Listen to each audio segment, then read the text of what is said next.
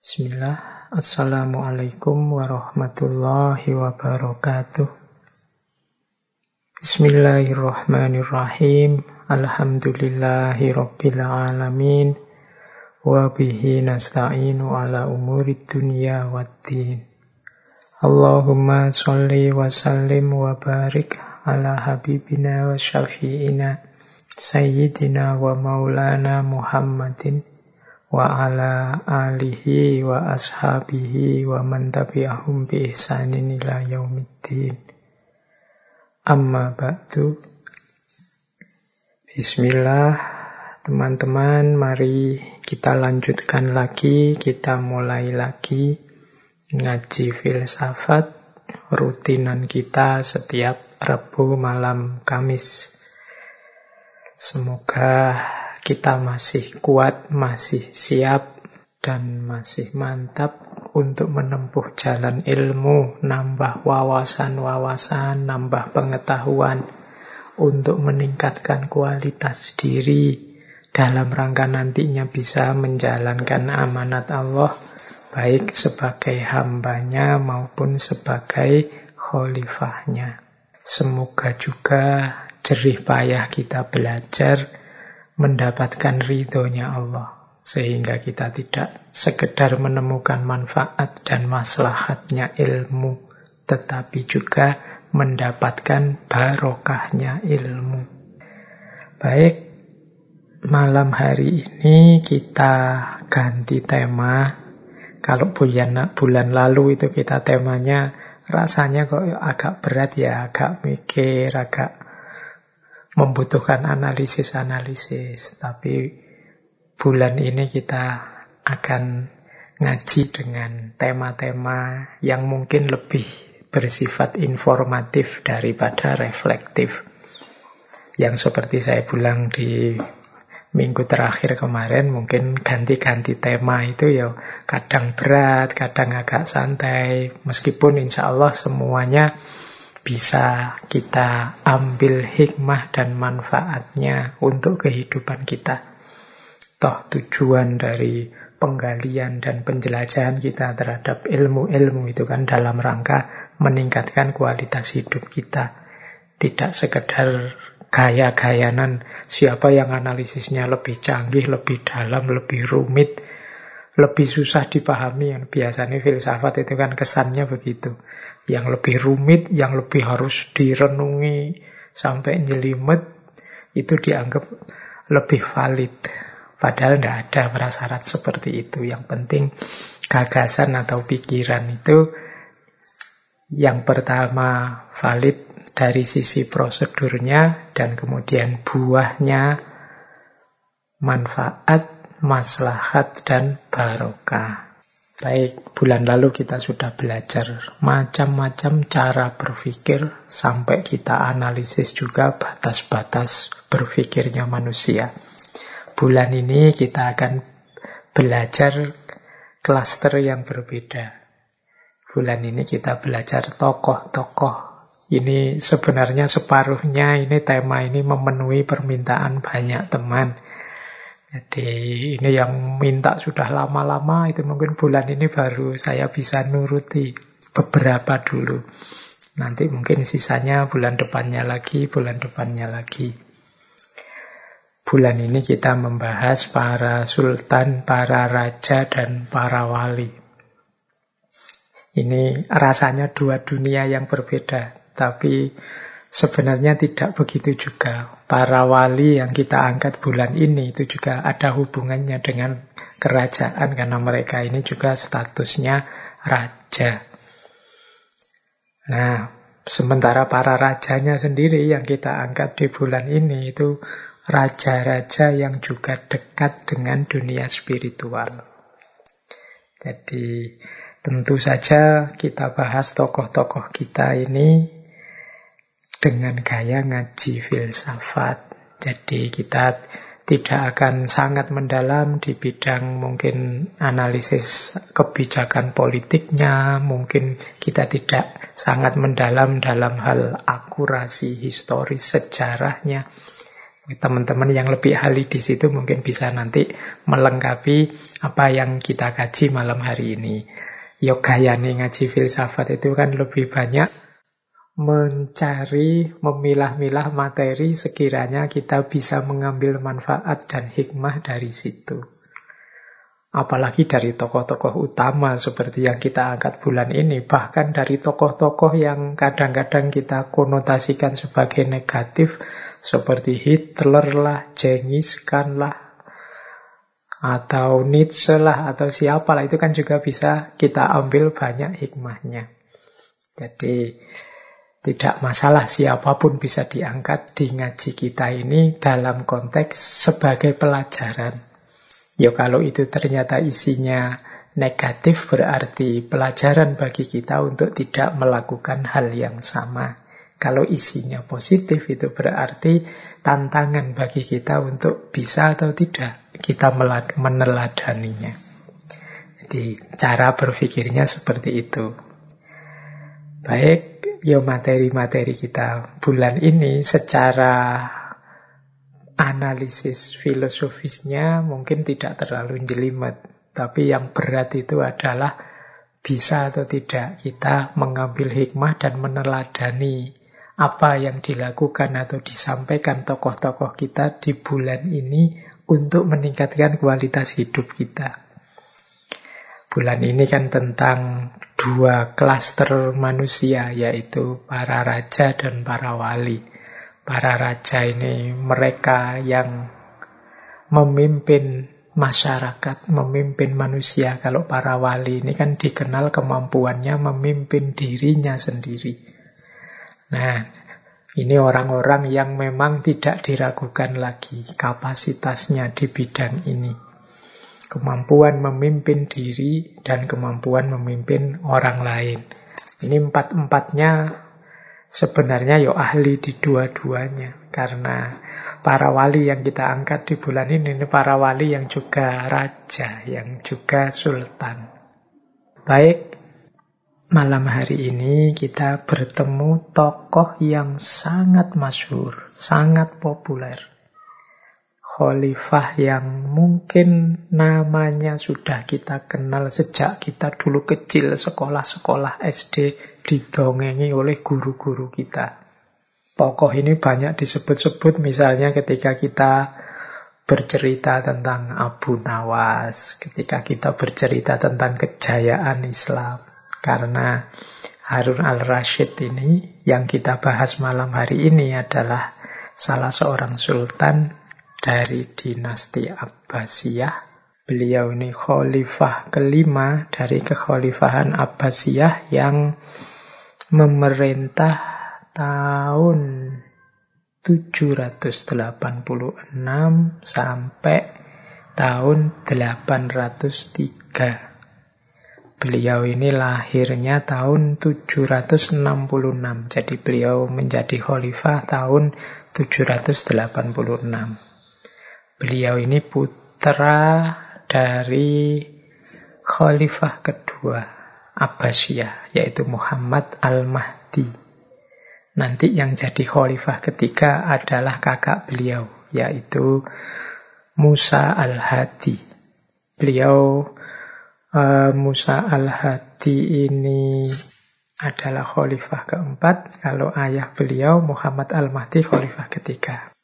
Jadi kita urut saja ya, biar tidak keliru-keliru. Ini kalau tidak diurut, kelewatan. Khalifah Abbasiyah itu yang pertama Abdul Abbas As-Soffah. As-Soffah ini khalifah pertama, dilanjutkan Al-Mansur. Ah, yang ketiga ini ayahnya Harun ar-Rasyid, Al-Mahdi. Kemudian yang keempat Al-Hadi, yang kelima Harun al-Rasyid, yang keenam putra Harun al-Rashid, al-Amin, dan yang ketujuh al-Ma'mun.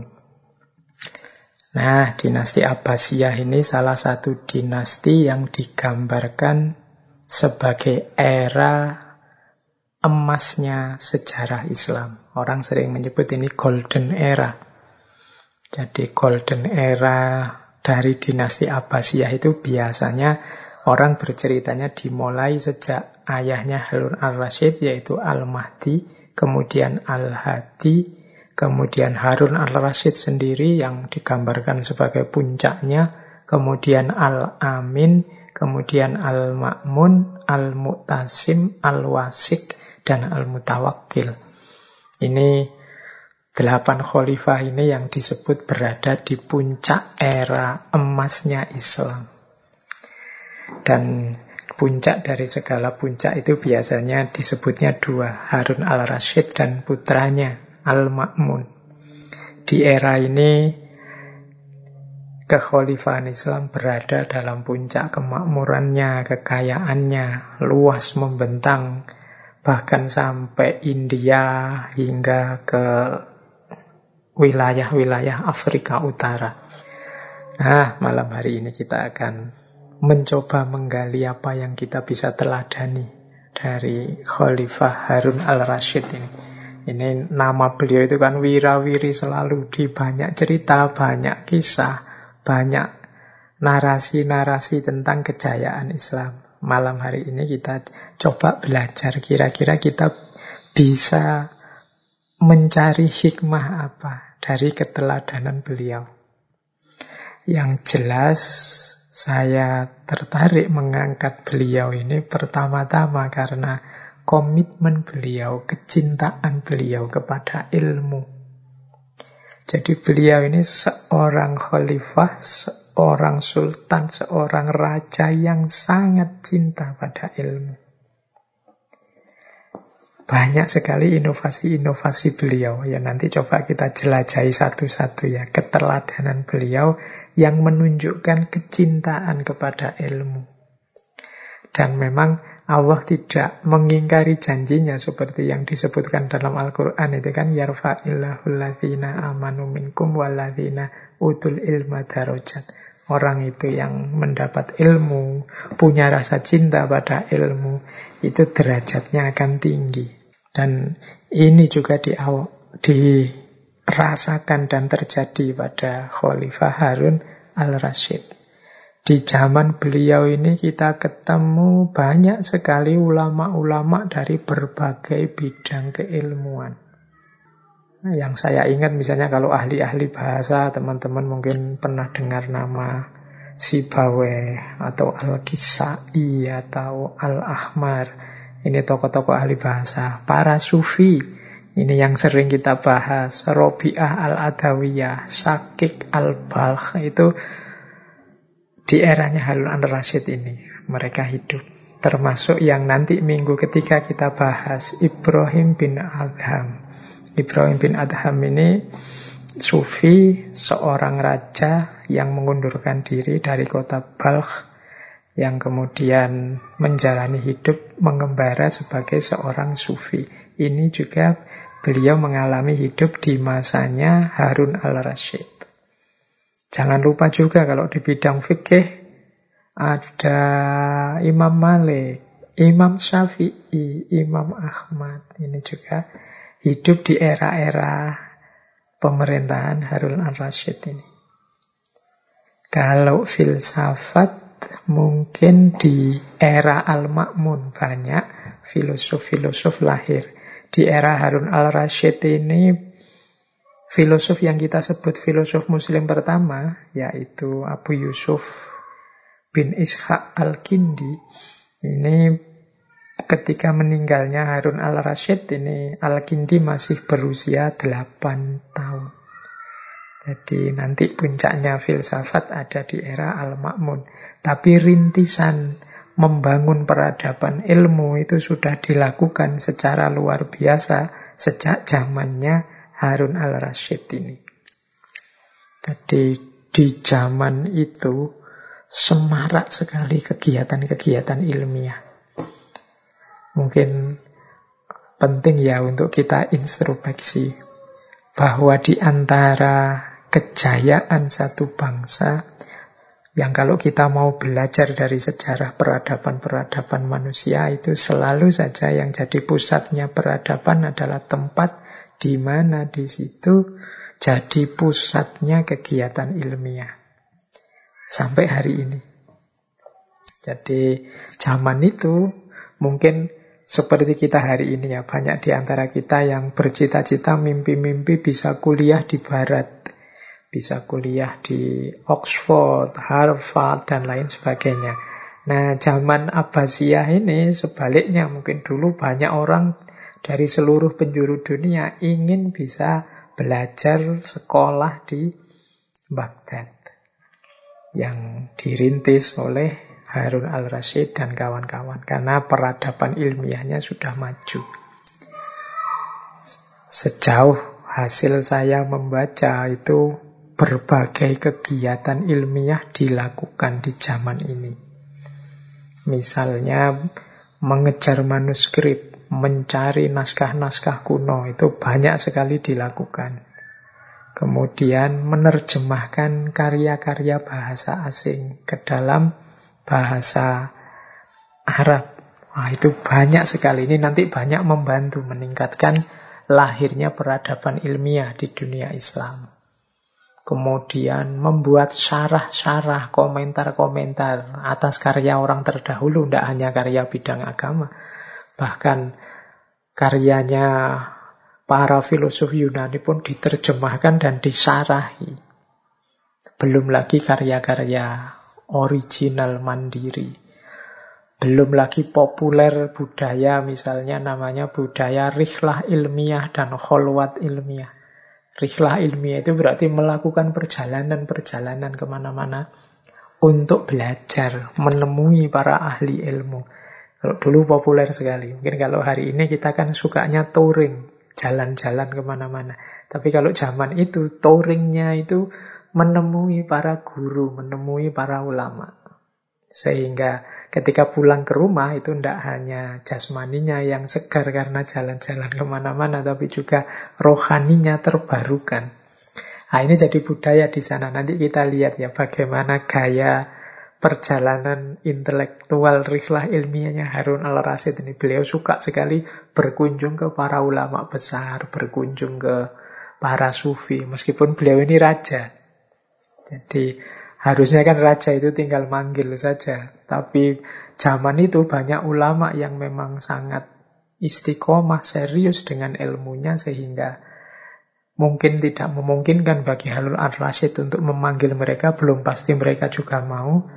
Atau juga memang adab orang belajar, orang berilmu itu ya memang yang membutuhkan ilmu yang mendatangi gurunya. Jadi zaman itu dikenal istilah rihlah ilmiah. Bahkan para ahli hadis misalnya kadang-kadang bisa melakukan perjalanan berbulan-bulan hanya untuk mengkonfirmasi kebenaran satu hadis. Nah, zaman itu hidup.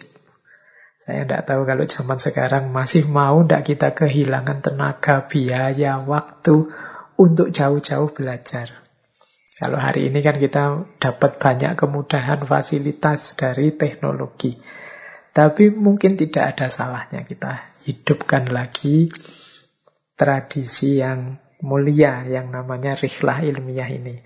Mungkin kalau hari ini istilahnya study tour ya, tapi study tour itu kesannya lebih fokus pada turnya daripada studinya. Itu kesan saya, tidak tahu kalau teman-teman memang serius dengan studinya.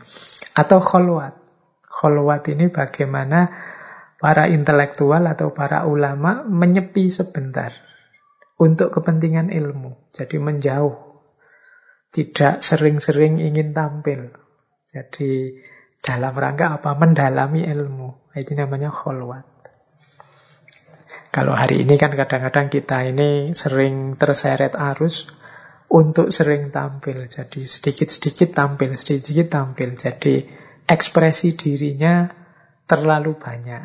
Pematangan dirinya agak kurang. Sehingga sering jadi masalah kemudian. Kalau zaman dulu ada tradisi kholwat. Jadi menyepi sebentar untuk memperdalam ilmu. Kemudian zaman itu juga banyak halako-halako, diskusi-diskusi di lingkungan istana, di masjid-masjid, di rumah-rumah para ulama, dan lain sebagainya.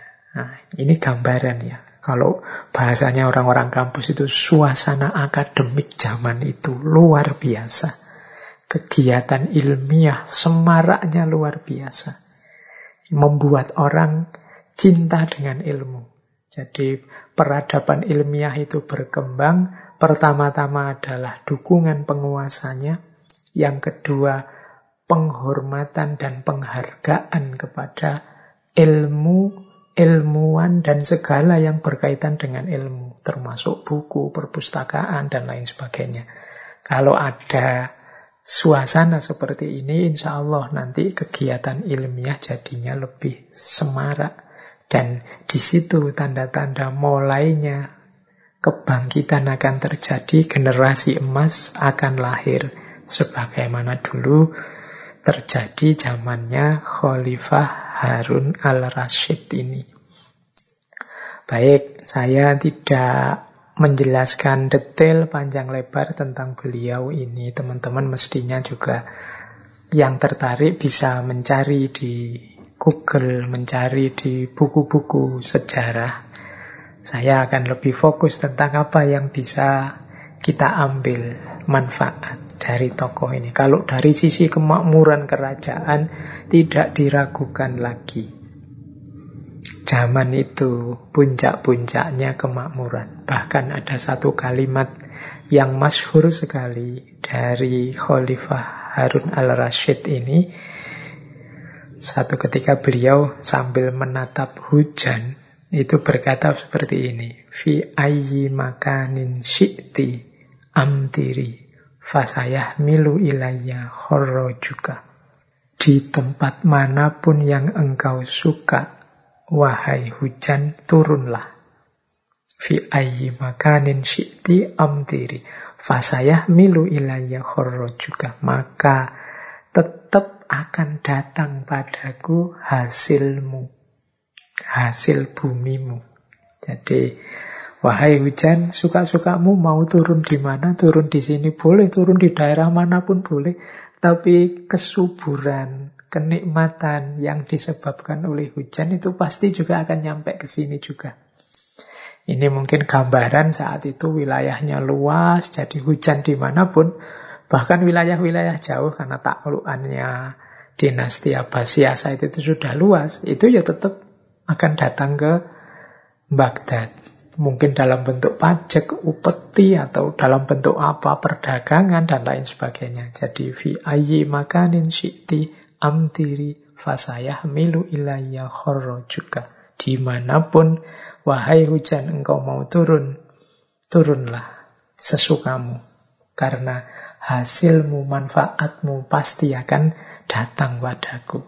Ini saja mungkin bisa untuk menggambarkan betapa gemah ripah loh jinawi toto tentrem kertora harjo kalau katanya orang Jawa. Eranya Harun al-Rashid ini. Nah, cuma malam hari ini kita akan lebih fokus belajar dari Harun al-Rashid bagaimana cara kita mencintai ilmu. Apalagi ketika kita sedang memegang kekuasaan. Sering saya bilang, kita semua ini kan pemimpin. Di level kita masing-masing. Mari jadi pemimpin, jadi manusia yang cinta ilmu. Harun al-Rashid ini dikenal secara karakter ya sebagai khalifah. Selain hatinya lembut, dia juga tegas. Jadi ini menarik ya kombinasi antara lembutnya hati dan ketegasan. Lembutnya hati itu kelihatan misalnya beliau itu setiap kali mendapat nasihat dari para ulama itu sering sekali ceritanya beliau itu langsung menangis. Kalau ada sufi menyindir apa, beliau langsung tersentuh hatinya, air matanya keluar. Jadi dari sisi ini kelihatan beliau ini seorang khalifah yang hatinya lembut, tapi juga tegas. Kalau berhadapan dengan hal-hal yang membutuhkan ketegasan, ya beliau akan tegas. Banyak cerita bagaimana beliau ini tidak kompromi pada orang-orang yang dipandangnya akan merugikan masyarakat, merugikan dinasti, merugikan kekhalifahan. Mungkin dengan tindakannya, mungkin dengan kelakuannya. Ada cerita beliau ini ya, kalau ada orang korupsi itu sudah tidak ragu-ragu lagi dieksekusi. Jadi Ada cerita misalnya beliau ini memecat dan memenjarakan Yahya bin Khalid. Yahya bin Khalid ini pernah diangkat oleh Harun al-Rashid sebagai Perdana Menteri. Nah, tapi kemudian oleh Harun al-Rashid dia dipecat karena ketahuan korupsi. Dan diminta mengembalikan seluruh hartanya ke Baitul Mal, ke kasnya negara. Ah ini tegas. Jadi waktunya tegas, dia bisa tegas. Tapi kalau memang saatnya lembut, beliau sangat lembut. Hatinya sangat mudah tersentuh. Kemudian secara karakter juga beliau ini digambarkan sangat religius. Ya pasti saja karena beliau sangat gemar dengan ilmu, akhirnya beliau mendapat banyak sekali petuah, nasihat, tuntunan. Dan tidak ada gunanya kalau petuah, nasihat, dan tuntunan itu kemudian tidak dijalankan. Maka beliau ini dikenal juga sangat religius. Ada riwayat, kalau teman-teman membaca Uh, misalnya Tarikh Baghdad karya Khotib al-Baghdadi itu di sana dijelaskan beliau ini sholat setiap hari tidak kurang dari 100 rokaat secara istiqomah. Jadi ya berarti beliau sholatnya tidak hanya sholat lima waktu dan sholat rawatib saja. Jadi minimal ini 100 rokaat. Ya kecuali ada halangan khusus misalnya perang atau apa. Jadi kalau tidak ada halangan, istiqomah beliau ini setiap hari sholat sebanyak 100 rokaat.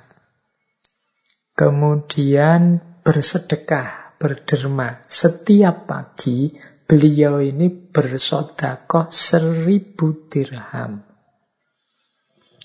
Dan istiqomah juga. Setiap pagi beliau bersedekah seribu dirham. Kemudian termasuk naik haji. Beliau ini diceritakan setiap dua tahun sekali menunaikan ibadah haji. Kalau beliau beribadah haji itu biasanya beliau mengajak sekalian 100 ulama dan anak-anaknya diajak ikut. Kalau kok kebetulan tidak bisa berhaji tahun itu, maka beliau menghajikan 300 orang di tahun itu. Plus bekalnya, sangu-sangunya. Nah, ini untuk menggambarkan saja karakter beliau yang religius. Jadi beliau punya komitmen beragama yang dalam. Ini kalau diringkas berarti ya tadi dijelaskan beliau ini lembut hati, tegas, religius, dan yang terakhir sangat cinta ilmu. Malam hari ini kita lebih banyak membahas yang terakhir ini saja ya. Sangat cinta pada ilmu. Ini penting mungkin bagi kita. Karena seperti saya bilang tadi, pusatnya peradaban, intinya kemajuan dan keberhasilan kita menjalankan amanat Allah sebagai hamba maupun khalifahnya itu ada pada ilmu. Baik, itu tadi gambaran mungkin agak ringkas tentang profil dan karakter seorang Harun al-Rashid. Yang namanya sering sekali kita dengar, apalagi kalau cerita-cerita seribu satu malam, apalagi yang berhubungan dengan Abu Nawas, yang dulu sering kita bahas itu. Nah, itu pasti menyinggung beliau ini, Khalifah Harun al-Rashid. Baik, Bismillah teman-teman, kita mulai seperti apa kecintaan seorang Harun al-Rashid pada ilmu.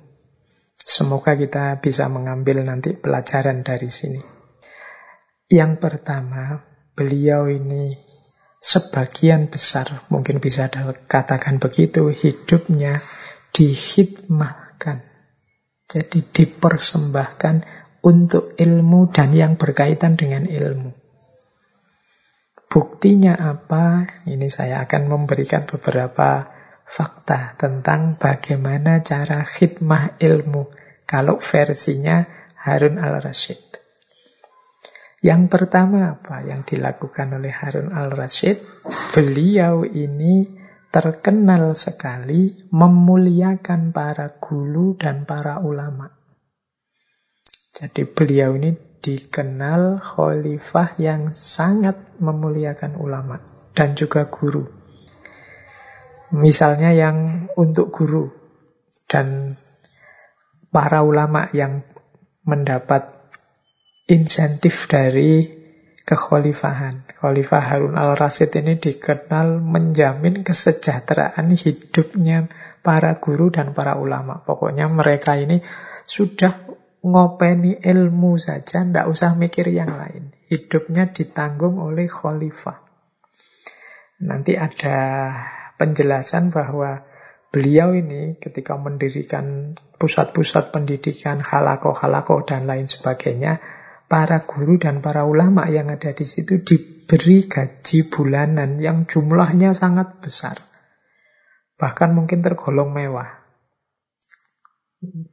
Jangan dibandingkan dengan yang hari ini ya. Misalnya ini ada riwayat begini. Ada seorang guru namanya Azad-Jaj. Azad-Jaj ini mendapatkan gaji satu bulannya itu 200 dinar.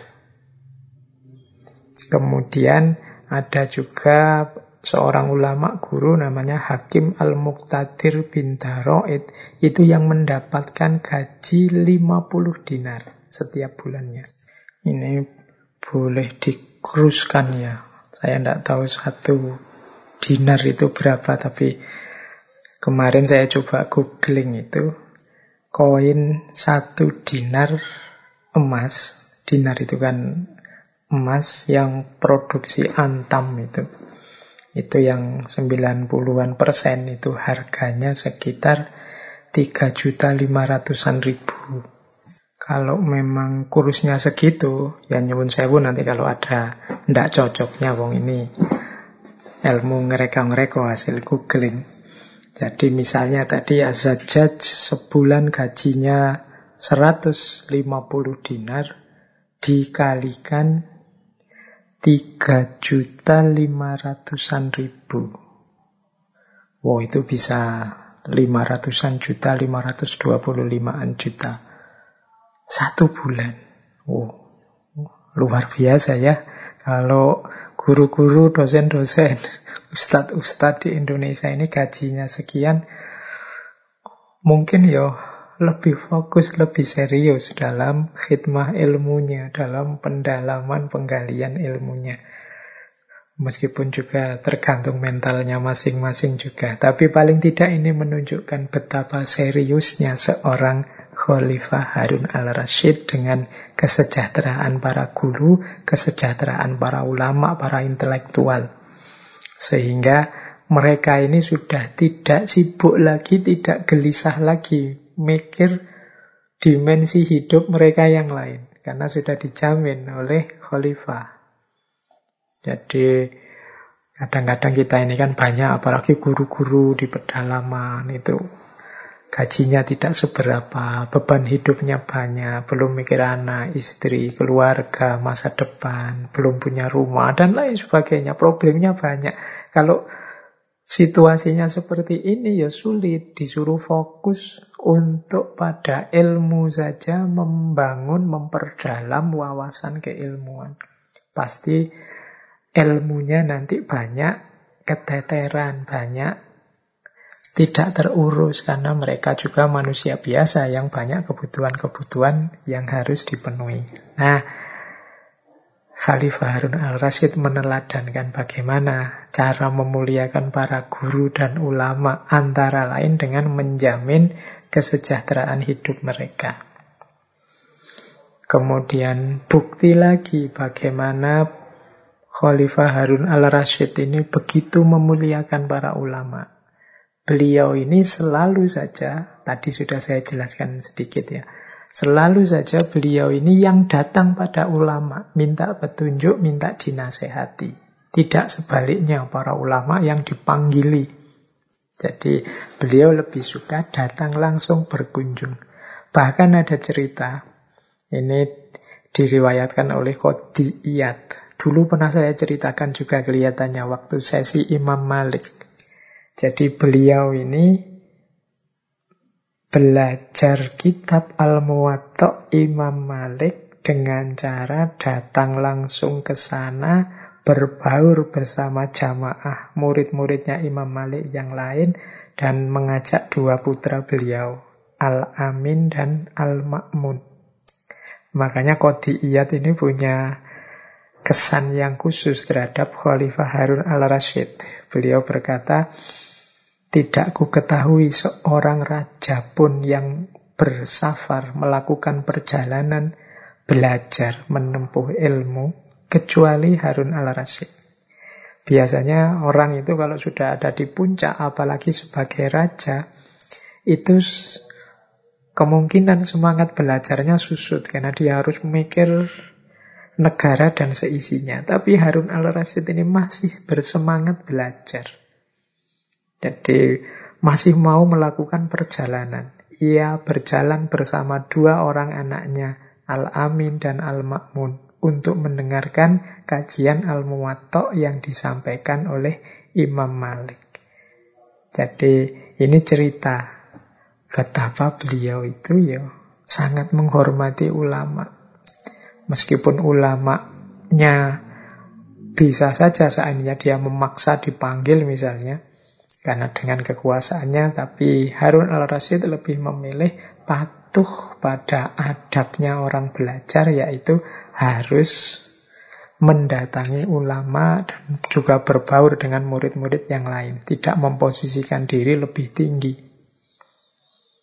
Kemudian ada juga cerita satu ketika beliau ini bertemu bersama seorang ulama hadis terkenal pada masa itu namanya Abu Muawiyah Ad-Dorir. Nah, sebagaimana biasa kalau ketemu ulama besar itu kan beliau senantiasa minta diajari. Dan setiap kali kata Abu Muawiyah Adhorir tadi setiap beliau cerita setiap kali saya itu membaca hadis dan setiap kali saya membaca Rasulullah Shallallahu Alaihi Wasallam selalu saja Khalifah ini meneteskan air matanya. Tadi saya bilang beliau ini memang hatinya lembut.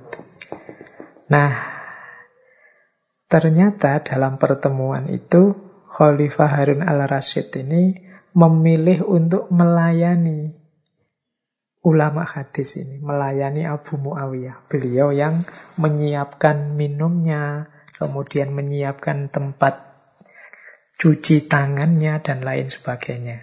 Nah, ketika Abu Muawiyah merasa tidak enak mengingatkan Khalifah Harun al-Rasyid menjawab, tidak, ini memang kewajibanku. Aku itu sangat memuliakan orang yang berilmu. Nah, ini contohnya. Jadi meskipun raja ternyata juga tidak segan untuk menyiapkan minum, untuk menyiapkan air cuci tangan bagi ulama tempat dia belajar. Bahkan ada lagi cerita ketika dua orang putra beliau Al-Amin dan Al-Ma'mun dididik oleh seorang ulama ahli bahasa namanya Al-Kisai. Al-Amin dan Al-Ma'mun ini setiap kali selesai belajar itu biasanya rebutan. Rebutan menyiapkan sandal gurunya. Jadi menyiapkan menata sandal gurunya. Ini rebutan dan sering kali terus bertengkar karena berebut aku saja yang menata sandalnya. Nah, pertengkaran dua putranya ini terdengar oleh khalifah. Kemudian satu ketika waktu Al-Kisai bertemu dengan khalifah, khalifah menggoda Al-Kisai, "Wahai Syekh, kira-kira siapa yang lebih mulia antara saya dan sampean, antara aku dan Anda?" kata khalifah. Yuk Al-Kisai di depannya ada khalifah bertanya begitu, beliau langsung saja jawab, "Ya tentu saja khalifah Amirul Mukminin, penanggung jawab semua urusan umat Islam, pasti lebih mulia. Nah, Harun al-Rasyid terus berkata, bukan. Sampean salah. Orang yang lebih mulia di antara kita itu cirinya adalah orang yang setelah duduk kemudian berdiri, berebutanlah putra-putra raja untuk menyiapkan sandalnya. Wah, Al-Kisai langsung pucat karena dia nggak wah ini khalifah murka ini mesti khalifah ini mesti ngamuk ini tersinggung ini masuk anaknya kok rebutan menata sandal. Nah, khalifah ngerti kegelisahannya Al-Kisai terus beliau jawab, tidak apa-apa wahai syekh, karena justru menurutku itu yang terbaik. Jika saja engkau melarang kedua putraku untuk menyiapkan sandalmu, mungkin aku justru akan marah. Mengapa? Karena perlakuan seperti itulah yang layak untuk kedudukanmu dan ilmumu. Jadi, ya ini tadi cerita-cerita ini menunjukkan pada kita betapa di antara khidmahnya seorang Halun ar-Rasyid kepada ilmu adalah penghargaannya dan pemuliaannya yang luar biasa kepada para guru dan para ulama. Baik, itu yang pertama.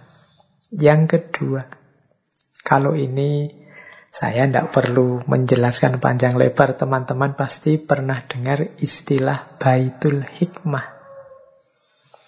Ini juga merupakan bukti betapa seriusnya seorang Harun al-Rashid berkhidmah pada ilmu. Jadi Baitul Hikmah ini semacam perpustakaan, lembaga penerjemahan, pusat penelitian, tempat berkumpulnya para intelektual, para ulama dari berbagai penjuru dunia untuk membahas ilmu. Jadi ini seperti pusat ilmu zaman itu. Meskipun secara kasat mata bentuknya itu perpustakaan. Jadi di sana ada koleksi perpustakaan yang tidak terhitung jumlahnya. Jadi di sana ada buku-buku dari berbagai bahasa dan juga ada aktivitas-aktivitas intelektual yang luar biasa. Nah, ada yang bilang bahwa kuncinya kejayaan era emas Islam zaman itu ya Baitul Hikmah ini. Baitul Hikmah itu kalau bahasa Inggrisnya House of Wisdom. Kalau bahasa Indonesianya rumah kebijaksanaan. Di sinilah nanti umat Islam berinteraksi dengan berbagai literatur, berbagai wawasan keilmuan yang baru. Yang kemudian diambil kebijakan oleh Khalifah Harun al-Rasyid dengan penerjemahan besar-besaran. Wah ini kan menarik ya. Jadi kalau kita hari ini mungkin yang tidak ngerti bahasa asing dipaksa untuk ngerti bahasa asing. Tapi Khalifah Harun al-Rasyid lebih milih kebijakan diterjemahkan. Sehingga orang tidak perlu capek-capek lama belajar bahasa asing, tapi dia bisa menikmati berbagai khazanah asing lewat penerjemahan-penerjemahan. Sehingga terjadi lonjakan orang pinter yang banyak secara masif, secara luar biasa. Nah, ini jadi ini menurut saya salah satu bukti betapa seriusnya, betapa khidmah ilmiah dari seorang Halun ar-Rasyid kepada ilmu. Dan nanti puncaknya Baitul Hikmah ini ya zaman Khalifah Al-Ma'mun. Ada juga yang bilang sebenarnya nama Baitul Hikmah itu memang di era Khalifah Al-Ma'mun, di era Khalifah Harun Al-Rasyid ini namanya masih Khizanatul Hikmah. Tapi yo, monggo saja siapa yang pinter sejarah silahkan ditelusuri. Tapi yang jelas institusi ini ada sejak zamannya Khalifah Harun Al-Rasyid. Meskipun sayangnya nanti setelah Baghdad hancur, dihancurkan oleh Hulagu Khan dari Mongol. Ini cucunya Genghis Khan yang dulu kita bahas. Sekitar tahun 1258 Baghdad hancur, di bumi hanguskan, segala isinya dibakar, sak istana-istananya, Baitul Hikmah juga dibakar. Banyak buku-buku yang dihancurkan, dibuang ke sungai, sehingga ada riwayat bahkan sungai-sungai di Baghdad saat itu warnanya hitam karena kena lunturannya tinta. Mulailah dimulai sejak saat itu, kemudian peradaban intelektual Islam Melayu. Melayu itu semakin layu. Bisa jadi sampai hari ini. Kalau peradaban politiknya sih mungkin naik turun ya, masih bisa menang lagi, bisa di beberapa tempat. Tapi yang bagian keilmuan ini, sejak hancurnya Baitul Hikmah itu kita tidak mengalami lagi era keemasan, menikmati jayanya, indahnya umat Islam yang merayakan ilmu-ilmu. Nah, ini jadi yang kedua, bukti hikmahnya khalifah itu ada pada gerakan penerjemahan. Kemudian, eh ada pada Baitul Hikmah. Sekarang gerakan penerjemahan. Gerakan penerjemahan di Baitul Hikmah ini ya menarik untuk kita bahas secara khusus. Ini zaman itu ada apa proyek penerjemahan besar-besaran karya-karya bahasa Persia, bahasa Sangsekerta, bahasa Suriah, bahasa Yunani diterjemahkan ke dalam bahasa Arab. Teman-teman mungkin ingat ya ada misalnya Kalilah Wadimnah dari bahasa Persia, karya-karyanya Aristoteles, kitab-kitab tentang astronomi, kitab-kitab dari India. Kita kenal nama-nama para penerjemah seperti Ibnul Mukofa, Ruhana bin Masaweh, dan lain sebagainya.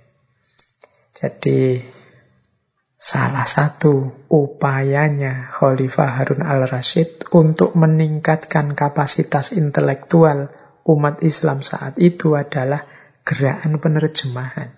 Ini lebih cepat meningkatkan kualitas intelektual dibandingkan misalnya kalau masyarakatnya dipaksa ayo belajar bahasa Yunani karena sumber-sumber asli dalam bahasa Yunani, ayo belajar bahasa Persia itu mungkin lama. Kayak kita hari ini kan sering, ayo belajar bahasa Inggris, ayo belajar bahasa Arab ini. Yang bahasa Inggris dan Arabnya pas-pasan pasti pontang-panting. Yang mahasiswa saja juga begitu.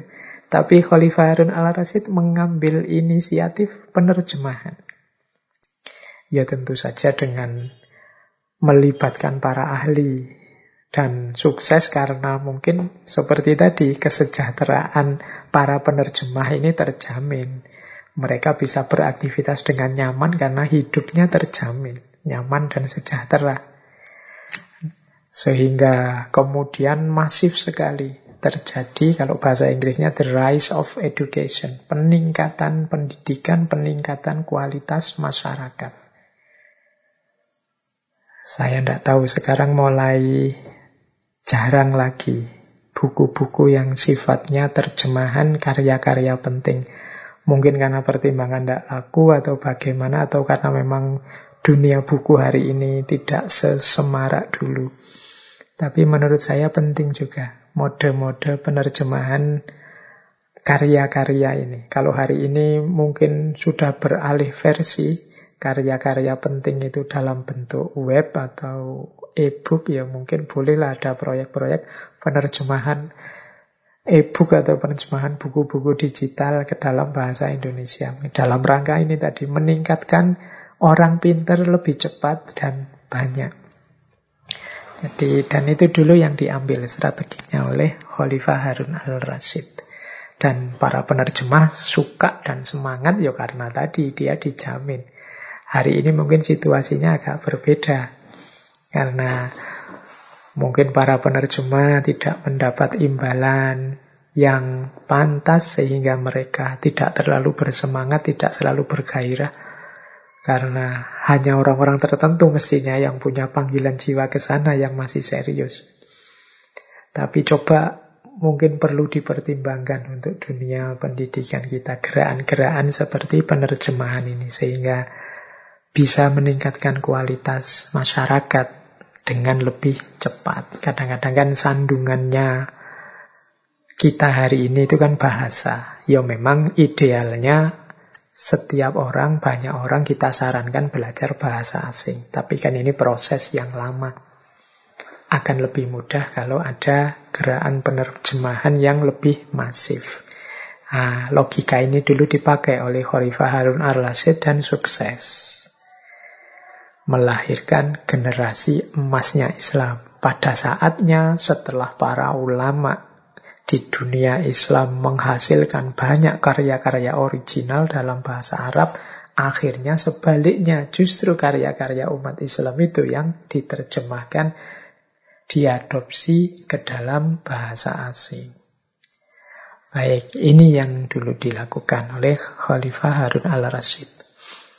Kemudian, ya semua yang di atas tadi sebenarnya menunjukkan betapa Khalifah Harun al-Rashid ini sangat perhatian terhadap kerja intelektual dan karya intelektual.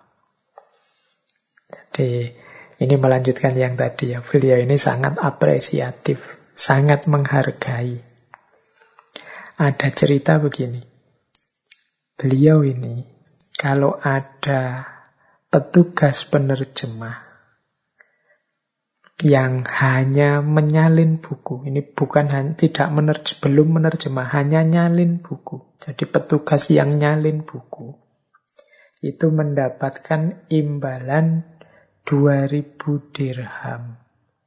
Nah, jadi kalau tadi dinar ya, kalau ini dirham dirham ini kalau dikruskan pakai antam itu ya hari ini sekitar 95 ribu. Tinggal dikalikan. 95 kali 2000 sekitar 190 jutaan. Itu hanya untuk nyalin buku, belum menerjemahnya. Nyalin itu kan cuma mindah. Anak kecil mungkin juga bisa, hanya nulis niru apa yang sudah ditulis di sana, ditulis di sini. Nah itu imbalannya 2000 dirham. Bahkan ada cerita Khalifah Harun al-Rasyid dan Khalifah al-Ma'mun itu kalau ada ulama nulis buku diberi imbalan emas yang beratnya sama dengan buku itu. Nah, tinggal dihitung itu ya. Kalau bukunya tebel-tebel kayak kitab-kitabnya para ulama zaman dulu kayak Ihya yang 40 bab itu kayak wow itu bisa dapat sangat banyak sekali. Jadi beliau ini memang sangat menghargai karya intelektual dan kerja intelektual. Dan ada riwayat lagi satu ketika beliau ini hampir menaklukkan Bizantium Konstantinopel. Tapi tidak jadi karena penguasa saat itu namanya Ratu Irene setengahnya menyerah dalam arti siap mengirimkan upeti puluhan ribu keping emas per tahun kepada Baghdad. Jadi tidak usah perang, tidak usah ditaklukkan. Saya tak ngirim upeti saja. Nah, itu saat itu. Nah, Harun al-Rasyid ini melakukan negosiasi. Jadi negonya apa? Oke, silahkan mengirim upeti, tapi saya tidak mau kalau hanya itu. Ada tambahannya. Tambahannya apa? Tolong serahkan juga manuskrip-manuskrip, naskah-naskah keilmuan yang ada yang dimiliki kepada kami. Wow. Jadi di ranah politik perang pun beliau masih punya concern dengan pengembangan ilmu. Makanya minta kompensasi manuskrip-manuskrip kuno. Betapa gairah intelektual yang luar biasa. Selain penghargaan intelektual. Jadi itu pun belum kalau kita melihat berbagai inovasi-inovasi beliau di bidang pendidikan. Ada kutab namanya. Kutab ini semacam pendidikan dasar untuk anak-anak. Jadi kutab itu kan dari kata-kata dasar kataba yang artinya nulis. Jadi kutab ini lebih pada tempat belajar anak-anak membaca dan menulis. Ini didirikan banyak di Baghdad saat itu. Ini lembaga pendidikan paling rendah untuk anak-anak mengenal bacaan, membaca, menulis, menghitung, termasuk juga belajar dasar-dasar agama, hafalan Al-Quran, pelajaran-pelajaran praktis, dan lain sebagainya. Zaman itu juga ada namanya Majelis Muzakaro. Majelis Muzakaro itu kelompok-kelompok diskusi yang diselenggarakan di banyak tempat. di masjid, di rumah, di istana, juga halakoh-halakoh. Para ulama ini difasilitasi kalau ingin melakukan kajian, kalau ingin membuka halakoh-halakoh, termasuk di masjid-masjid. Jadi sebenarnya yang dilakukan Masjid Sudirman ini ada kajian filsafat, kajian tasawuf, kajian macam-macam. Itu zaman Khalifah Harun al-Rasyid sudah jauh lebih maju. Jadi zaman itu para ulama, semua ulama yang ingin membuat halako, membuka kajian itu dipersilahkan oleh negara. Jadi masjid selain pusat peribadatan zaman itu juga jadi pusat pendidikan.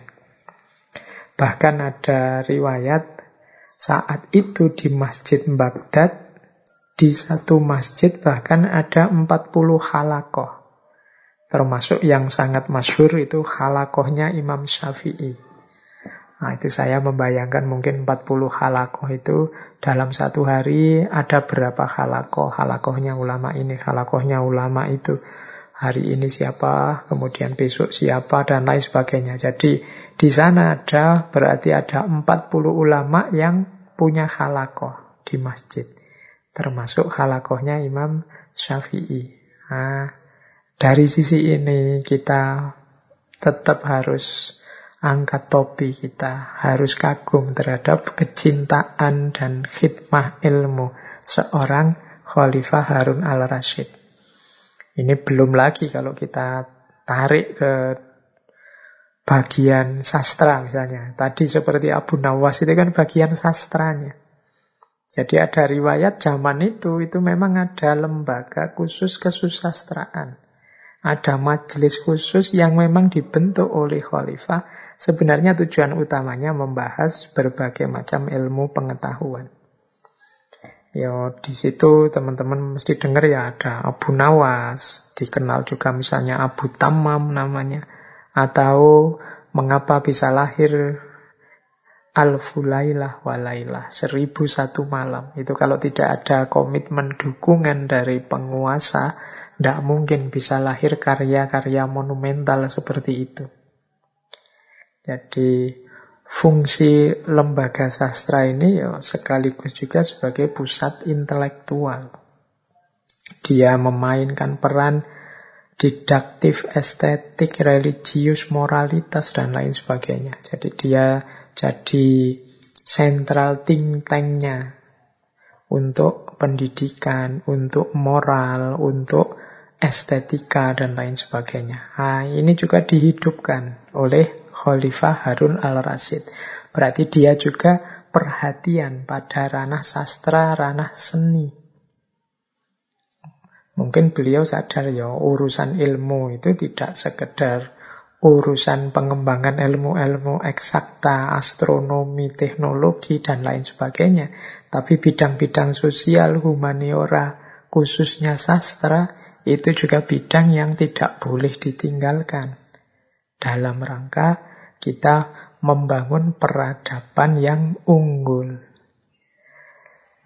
Jadi teman-teman, ya ini sudah hampir satu jam ini kita masih sedang mengagumi betapa dahsyatnya khidmah ilmu, kecintaan ilmu, pengabdian dan komitmen Harun al-Rashid pada ilmu.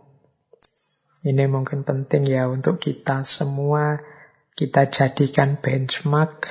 Nanti mungkin di antara teman-teman ini ada yang punya kekuasaan menjadi pemimpin di level apa pun, tolong jangan lupa kepedulianmu, pengabdianmu, konsermu terhadap bidang ilmiah atau ilmu-ilmu. Karena itu nanti akan jadi salah satu ukuran parameter kesuksesan lembaga kita, kesuksesan hidup kita, kesuksesan peradaban kita. Baik, nah sekarang kita coba masuk ke sisi yang berbeda dari Khalifah Harun al-Rashid ini. Tadi di depan saya bilang beliau ini rajin sekali melakukan rihlah-rihlah ilmiah. Pelajaran-pelajaran yang beliau cari, beliau gali dengan cara menemui para ulama, menemui para sufi. Ada aneka ragam cerita. Coba malam hari ini ya kita telusuri beberapa kisah rihlah ilmiah beliau, kemudian Kira-kira pelajaran apa yang bisa kita ambil? Manfaat apa dan hikmah apa yang bisa kita ambil dari perjalanan intelektual seorang Harun al-Rashid ini? Baik, bismillah. Ini bapak kedua. Kalau tadi hikmah ilmu, sekarang rihlah ilmiahnya. Yang pertama, mari kita ikuti perjalanan Harun al-Rashid ketemu seorang ulama yang bernama Ibnu Samak. Nah, saat bertemu Ibnu Samak ini terjadi dialog. Saat itu Harun al-Rashid meminta untuk disuguhi minum. Mungkin beliau sedang haus. Oleh Ibnu Samak diberi disuguhi semangkok air minum. Kemudian Ibnu Samak berkata, Wahai Amirul Mukminin, seandainya Anda terhalangi meminum minuman ini. Jadi maksudnya Ibnu Samak, satu mangkok ini pun Anda tidak dapat. Atau dapat tapi terhalangi sehingga tidak bisa minum. Misalnya dipegang orang yang orang ini mau menjual dengan harga mahal satu mangkok air ini, dengan apa kira-kira Anda akan membelinya? Kata Harun al-Rashid, dengan setengah kerajaanku. Jadi ini maksudnya kan kalau kita sudah sangat haus, sangat kehausan. Tidak ada air. Satu-satunya air satu mangkok itu dimiliki orang, kemudian orang itu mau menjual. Itu mungkin bayangkan saja kita di tengah padang pasir, tidak ada air sama sekali, ketemu orang yang bawa air semangkok. Itu kata Harun al-Rasyid, kalau situasinya seperti itu, bahkan dengan setengah kerajaanku pun akan aku beli. Oke, Ibnu Sama kemudian melanjutkan, baik, kalau gitu minumlah dulu, semoga Allah memberikanmu ketenangan. Setelah Harun al-Rashid selesai minum, Ibnu Sama kemudian bertanya lagi, Wahai Khalifah, seandainya air yang sudah diminum tadi tidak bisa dikeluarkan lagi. Ya ini maksudnya tidak bisa kencing sekarang. Sudah minum, tidak bisa keluar lewat air kencing. Air kencingnya terganggu misalnya. Kan ada itu penyakit-penyakit orang yang tidak bisa kencing. Dengan apa Anda akan menebusnya? Maka Harun al-Rasyid itu menjawab kalau situasinya seperti itu, itu sudah mengancam jiwa itu kalau sudah penyakitnya seperti itu. Bahkan dengan seluruh kerajaanku pun aku mau bertukar. Biar sembuh, biar tidak sakit ginjalnya, biar bisa kencing lagi. Jadi air minum satu mangkok seharga setengah kerajaan. Air kencing kencing justru yang tidak bisa keluar bisa seharga seluruh kerajaan. Maka Ibnu Sama kemudian menasehati sesungguhnya harga sebuah kerajaanmu hanyalah seteguk air dan setetes air kencing. Sungguh tidak pantas engkau berlomba-lomba memperebutkannya. Ini bisa dicari di Tarikhul Khulafa.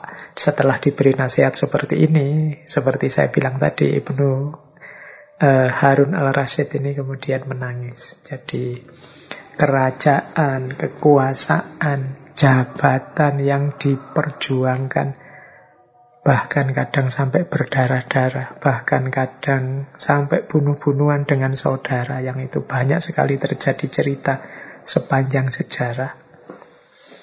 Bahkan mungkin sampai hari ini kalau ada pemilihan-pemilihan pemimpin sampai pemilihan-pemilihan presiden itu rasanya seolah-olah segalanya. Saya harus menang, saya harus sukses bila perlu menghalalkan segala cara untuk bisa menang, bisa berhasil. Ternyata kalau dikuruskan dengan diri kita sendiri. Misalnya saat kita kehausan dan dibandingkan dengan air satu mangkok atau saat kita punya sakit tidak bisa kencing dengan setetes air kencing. Itu segala kekuasaan, segala apa fasilitas yang kita miliki mungkin akan rela kita korbankan demi kita bisa minum air seteguk dan bisa mengeluarkan air kencing setetes. Nah ini sindiran dari Ibnu Samak kepada Harun al-Rashid. Ya, meskipun ini sebenarnya juga pelajaran untuk kita semua. Bahwa dalam hidup ini kadang-kadang kita terlalu over, terlalu menilai tinggi sesuatu, seolah-olah yang lain tidak ada harganya sama sekali. Seolah-olah segala yang tidak itu tidak berharga. Padahal kalau dibandingkan, kalau kita pikir-pikir dibandingkan beberapa sisi sudut hidup kita yang lain, mungkin yang kita anggap sangat berharga itu ternyata tidak ada harganya apa-apa. Jabatan mungkin penting, tapi coba diingat-ingat. Begitu kita sakit, jatuh sakit, jabatan itu tidak akan ada nilainya apa-apa. Bahkan mungkin kalau sakit kita parah, gawat, mungkin rela kita tukar dengan penyakit kita ini. Mungkin teman-teman ada yang punya penyakit apa, misalnya kebetulan punya kedudukan atau jabatan apa. Sudahlah ambil saja jabatan ini asal aku sembuh seperti semula. Mungkin bisa seperti itu. Jadi ternyata harga bahkan sebuah kerajaan itu bisa lebih kecil daripada setetes air kencing. Dengan cara berpikir seperti ini, maka penting kita dalam hidup ini bijaksana untuk tidak menganggap hal-hal duniawi apa pun sebagai segalanya. Karena kalau itu hal-hal duniawi, biasanya tidak sebanding nilainya dengan segala yang lebih hakiki. Yang lebih hakiki itu bisa kesehatan kita, kemanusiaan kita, keilahian kita. Jadi ini nasihat ini bisa ditemukan dalam Tarikhul Khulafa. Baik, ini pelajaran dari rihlah ilmiahnya seorang Harun al-Rashid. Yang pertama. Yang kedua, ini masih dari Tarikhul Khulafa. Ini cerita dari Ibnul Jauzi. Ini satu ketika Harun al-Rashid menemui seorang ulama namanya Sibyan. Jadi Harun al-Rashid berkata kepada Syekh Sibyan ini, Wahai Syekh, nasihatilah aku. Syekh Sibyan kemudian mengatakan, Wahai khalifah, bertemanlah dengan orang-orang yang membuatmu takut, tapi dengan itu engkau merasa aman. Itu lebih baik bagimu daripada berteman dengan orang-orang yang membuatmu merasa nyaman, tapi akhirnya engkau menjadi ketakutan. Ah, Khalifah Harun al-Rashid agak kebingungan, ini maksudnya apa ya Syekh ini? Kemudian sesi Bian melanjutkan, maksudnya orang yang membuatmu takut, tapi akhirnya engkau akan merasa nyaman adalah orang yang mengatakan padamu. Misalnya ada orang bilang padamu begini, Wahai Khalifah, engkau bertanggung jawab terhadap rakyatmu, maka takutlah engkau kepada Allah. Nah ini kan menakutkan memang kalau tiba-tiba ada orang mengingatkan kita seperti ini. Wahai khalifah, engkau bertanggung jawab terhadap rakyatmu, maka takutlah kepada Allah. Ini kalimatnya menakutkan, tapi dengan adanya orang yang mau mengingatkan kita seperti ini, kita akan lebih terkendali. Kalau kita punya teman seperti ini, kita akan lebih merasa terkontrol, tidak berani macam-macam, tidak berani melakukan hal-hal yang melanggar norma-norma hidup. Apalagi teman ini sangat peduli dengan kita. Jadi carilah teman yang berani kalau salah mengingatkan bahwa kita salah. Yang berani mewanti-wanti kita, menasehati kita agar tidak keluar dari jalur keburukan, eh dari jalur kebaikan. Sehingga kita tidak jatuh dalam keburukan. Nah, kata Sesipian, orang yang demikian itu lebih baik daripada orang yang membuatmu nyaman tapi akhirnya engkau akan ketakutan. Misalnya, jadi ini biasanya orang yang muji-muji dulu menjilat dan pada akhirnya ketika kita terlena kemudian kita akan jatuh. Kata Sesipian, daripada engkau mendengarkan teman yang selalu muji, yang selalu mengatakan, misalnya, Wahai khalifah, engkau ini orang utama, engkau ini ahlu bed, Allah akan mengampuni dosamu, engkau adalah punya jalur keturunan langsung ke Nabi. Maka dosa-dosamu akan diampuni. Nah ini dalam istilahnya Sesipian itu orang yang membuat nyaman, tapi pada akhirnya bisa membuat kita ketakutan karena kita lalai, karena kita lupa dengan tugas dan tanggung jawab kita. Jadi ini nasihat bagi kita juga dari Syekh Sibian untuk mencari teman, mencari sekutu yang berani bilang salah kalau kita salah. Berani mengingatkan kalau kita keliru. Berani menunjukkan kita jalan yang benar kalau kita sesat. Teman lo ya, teman itu kalau mengkritik dasarnya kepedulian, bukan melecehkan atau merendahkan kita karena wah dasar Orang tidak tahu, dasar orang bodoh, dasar orang tidak pinter. Sini tak kasih tahu. Nah, itu beda konotasinya. Ini teman. Jadi teman itu ya memang kadang-kadang kata-katanya nyelekit. Tapi dalam rangka biar kita sadar, biar kita bangkit.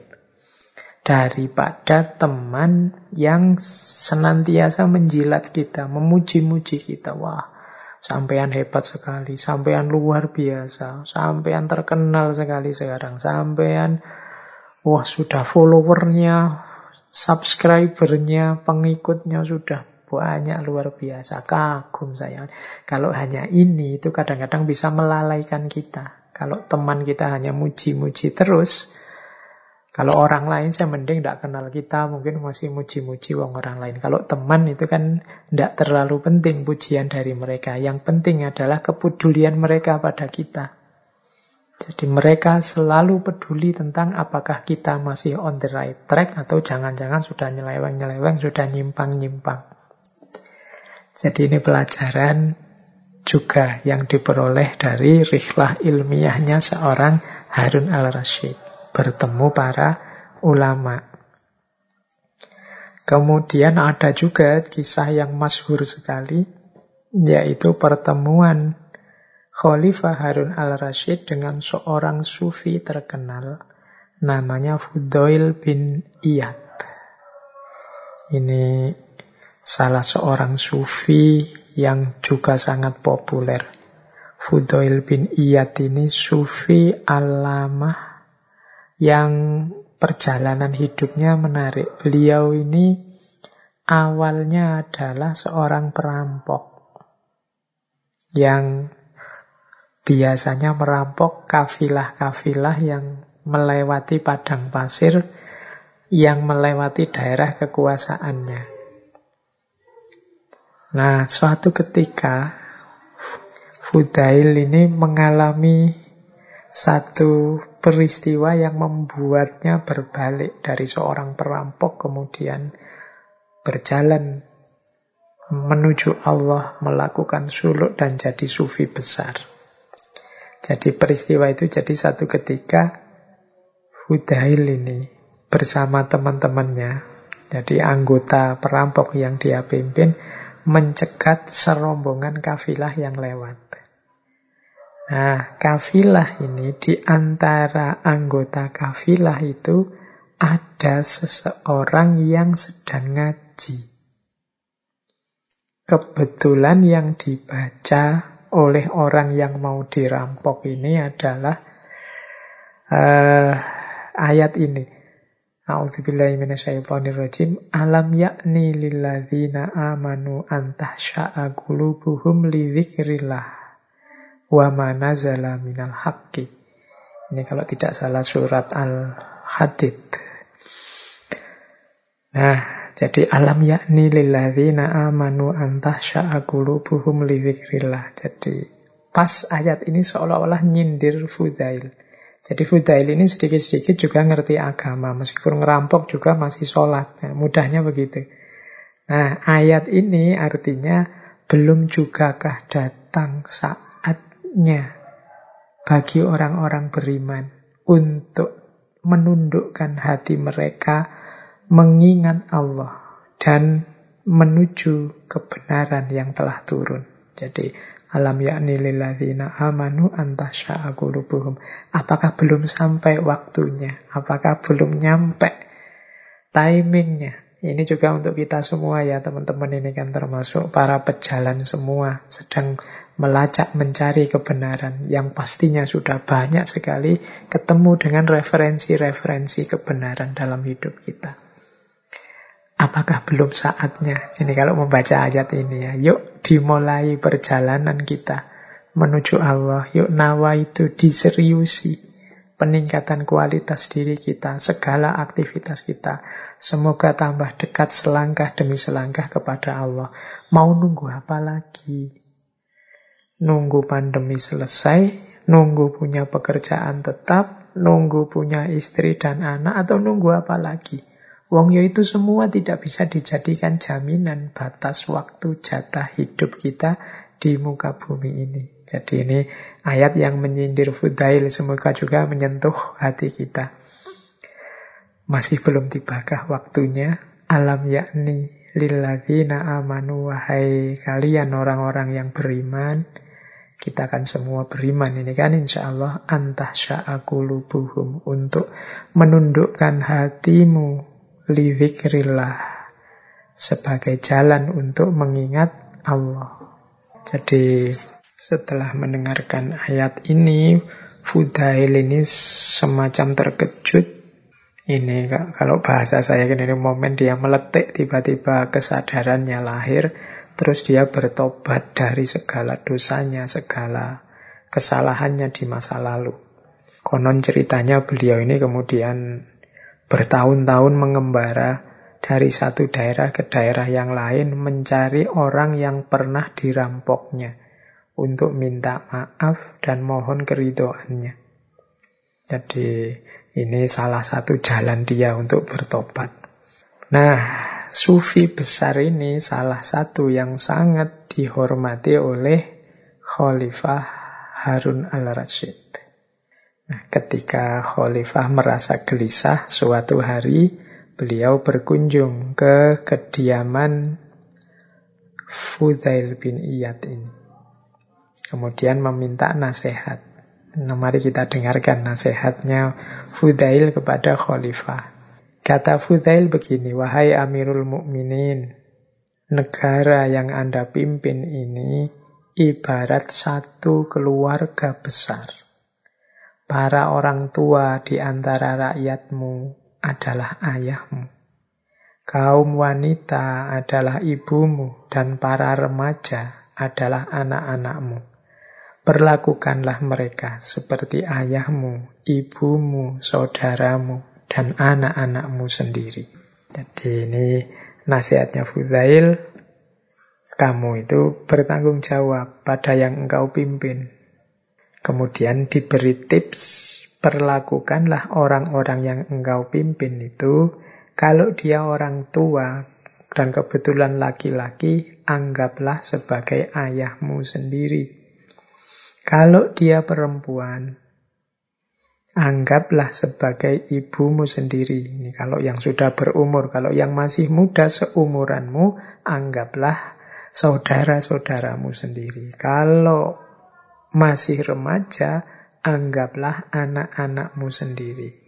Berkomitmen pada keluarga ini kan biasanya jauh lebih mudah. Kita berbakti pada orang tua itu tidak keberatan sama sekali kita berkorban untuk anak-anak kita itu kan tidak berat sama sekali. Maka katanya Fudail Amirul Mukminin perlakukan semua rakyatmu sebagaimana engkau berpela melakukan kepada keluargamu. Jadi kalau rakyat laki-laki yang tua anggap dia ayahmu, kalau perempuan, anggap ibumu. Yang sebaya, anggap saudaramu. Yang remaja, lebih muda, anggap anak-anakmu. Jadi ini nasihat yang penting. Hanya dengan satu kalimat ini sebenarnya sudah bisa dapat nasihat yang sangat banyak bagi seorang pemimpin. Tidak perlu lagi pakai kalimat-kalimat variasi yang macam-macam. Jadi sudahlah kalau engkau sedang mimpin, kebetulan yang engkau pimpin itu orang yang lebih junior darimu, anggaplah adikmu atau anak-anakmu.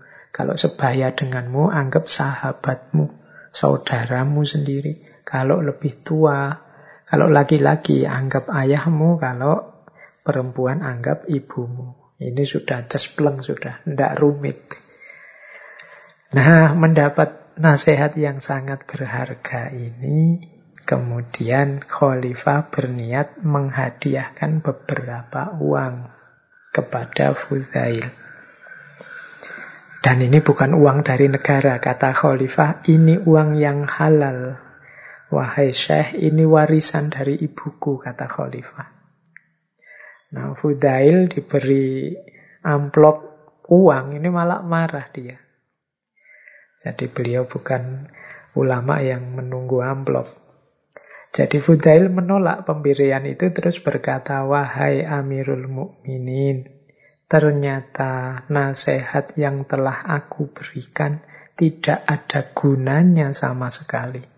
Karena engkau mulai lagi dengan perbuatan dosa, melanjutkan ketidakadilan. Aku mengajakmu menuju keselamatan, tapi, tapi engkau menyeretku pada godaan duniawi. Nah ini kritiknya Fudail sekarang pada khalifah. Wong yo, aku ini kan baik-baik ngasih kamu nasihat loh. Itu kan aku ngajak kamu selamat berarti. Kamu malah ngasih aku uang. Ini kan berarti kamu sedang menggodaku. Sehingga aku, kamu pameri hal-hal duniawi. Oh itu namanya tidak sopan. Dan ini juga membuktikan nasihatku tidak sukses, tidak berhasil. Apa begitu kalau kita berhadapan dengan orang tua kita? Memberikan godaan pada orang tua harusnya dianggap ayahnya. Nah, Fudail terus meneruskan, gini loh Khalifah, kembalikan milikmu ini kepada mereka yang berhak. Dan jangan beri padaku. Berikan saja pada orang yang membutuhkan. Aku tidak butuh itu. Nah, ini katanya Fudail. Nah, terus setelah itu Khalifah pulang sambil minta maaf, menyesal. Dalam perjalanan Khalifah kemudian berkata, sebenarnya Bukan aku yang raja itu. Yang raja itu ya Syekh Fudail. Dialah raja yang sesungguhnya. Cirinya apa raja yang sesungguhnya itu? Kemewahan dunia baginya kecil. Tidak ada artinya. Sehingga diberi uang dinar sebanyak itu. Tetap dia tidak tergoda dan menolak. Ini juga pelajaran berharga bagi Harun al-Rashid. Tidak hanya nasihatnya Syekh Fudail, tapi perilaku zuhud dan sikap wiroinya mengesankan bagi khalifah. Dari situ beliau bisa mengambil pelajaran yang berharga. Baik, kita lanjutkan. Kita jalan-jalan lagi. Ketemu lagi kalau yang bertemu Abu Nawas saya tidak cerita teman-teman cari sendirilah di sesi ketika dulu kita ngaji tentang Abu Nawas. Di situ banyak sekali cerita-cerita tentang kebersamaan Khalifah Harun al-Rashid dengan Abu Nawas. Kita sekarang cerita pertemuan beliau dengan seorang sufi lagi yang kali ini jauh lebih aneh daripada Syekh Jadi Khalifah Harun al-Rashid ini satu ketika menemui seorang sufi namanya Bukhlul bin Amr. Ini ada yang membacanya Bahlul, ada yang membacanya Buhlul. Saya milih membaca Buhlul saja ya. Jadi beliau ini dikenal namanya Buhlul al-Majnun. Nah, ini yang pakai kata-kata bahlul ya berarti bahlul al-majnun. Syekh bahlul atau syekh buhlul. Ini kata-kata bahlul ini kan diserap dalam bahasa kita sehari-hari. Kalau ada orang edan, orang tidak jelas itu terus kita jawab, dasar inti bahlul. Nah, ini mungkin nama sufi ini sebenarnya. Jadi namanya Bahlul Al-Majnun. Nama lengkap beliau Abu Wahab Buhlul bin Amr Asyirafi Al-Kufi. Nah, nama Al-Kufi ini berarti menunjukkan beliau lahirnya di Irak. Memang beliau hidup di Kufah, Irak. Beliau hidupnya zaman Khalifah Harun al-Rashid. Beliau ini dikenal karena juga banyak punya syair-syair, punya kosita-kosita. Jadi beliau ini punya karya yang isinya kosita-kosita, yaitu Al-Qasidah Al-Bukhluliyah, Qasidah Ibnu Arus, Qasidah Al-Fiyasiyah. Itu karyanya Syekh Bukhlul ini. Beliau ini agak aneh. Orang-orang sekelilingnya menganggapnya kayak orang gila. Jadi beliau ini sehari-hari hidup di area pemakaman umum. Sering dipermainkan anak kecil-kecil. Karena beliau suka kumpul-kumpul bareng anak kecil-kecil. Kadang-kadang sampai dilempari batu. Jadi, dan cerita-cerita kelucuan tentang Buhlul atau Bahlul ini mungkin setara kayak kemarin ketika kita menjelaskan tentang Syekh Nasruddin Hoja. Nah, suatu ketika Khalifah Harun al-Rashid ini menemui Syekh Buhlul ini. Beliau melihat Syekh Buhlul ini sedang duduk-duduk di kuburan, di pemakaman. Nah, sambil ngajak guyon, Khalifah Harun ini menyapa, wahai Buhlul, yang majnun. Wahai buhlul al-majnun. Kapan sampean ini bisa sembuh? Nah, buhlul terus jawab. Sapaannya khalifah ini. Dibalas oleh buhlul. Wahai Harun yang majnun.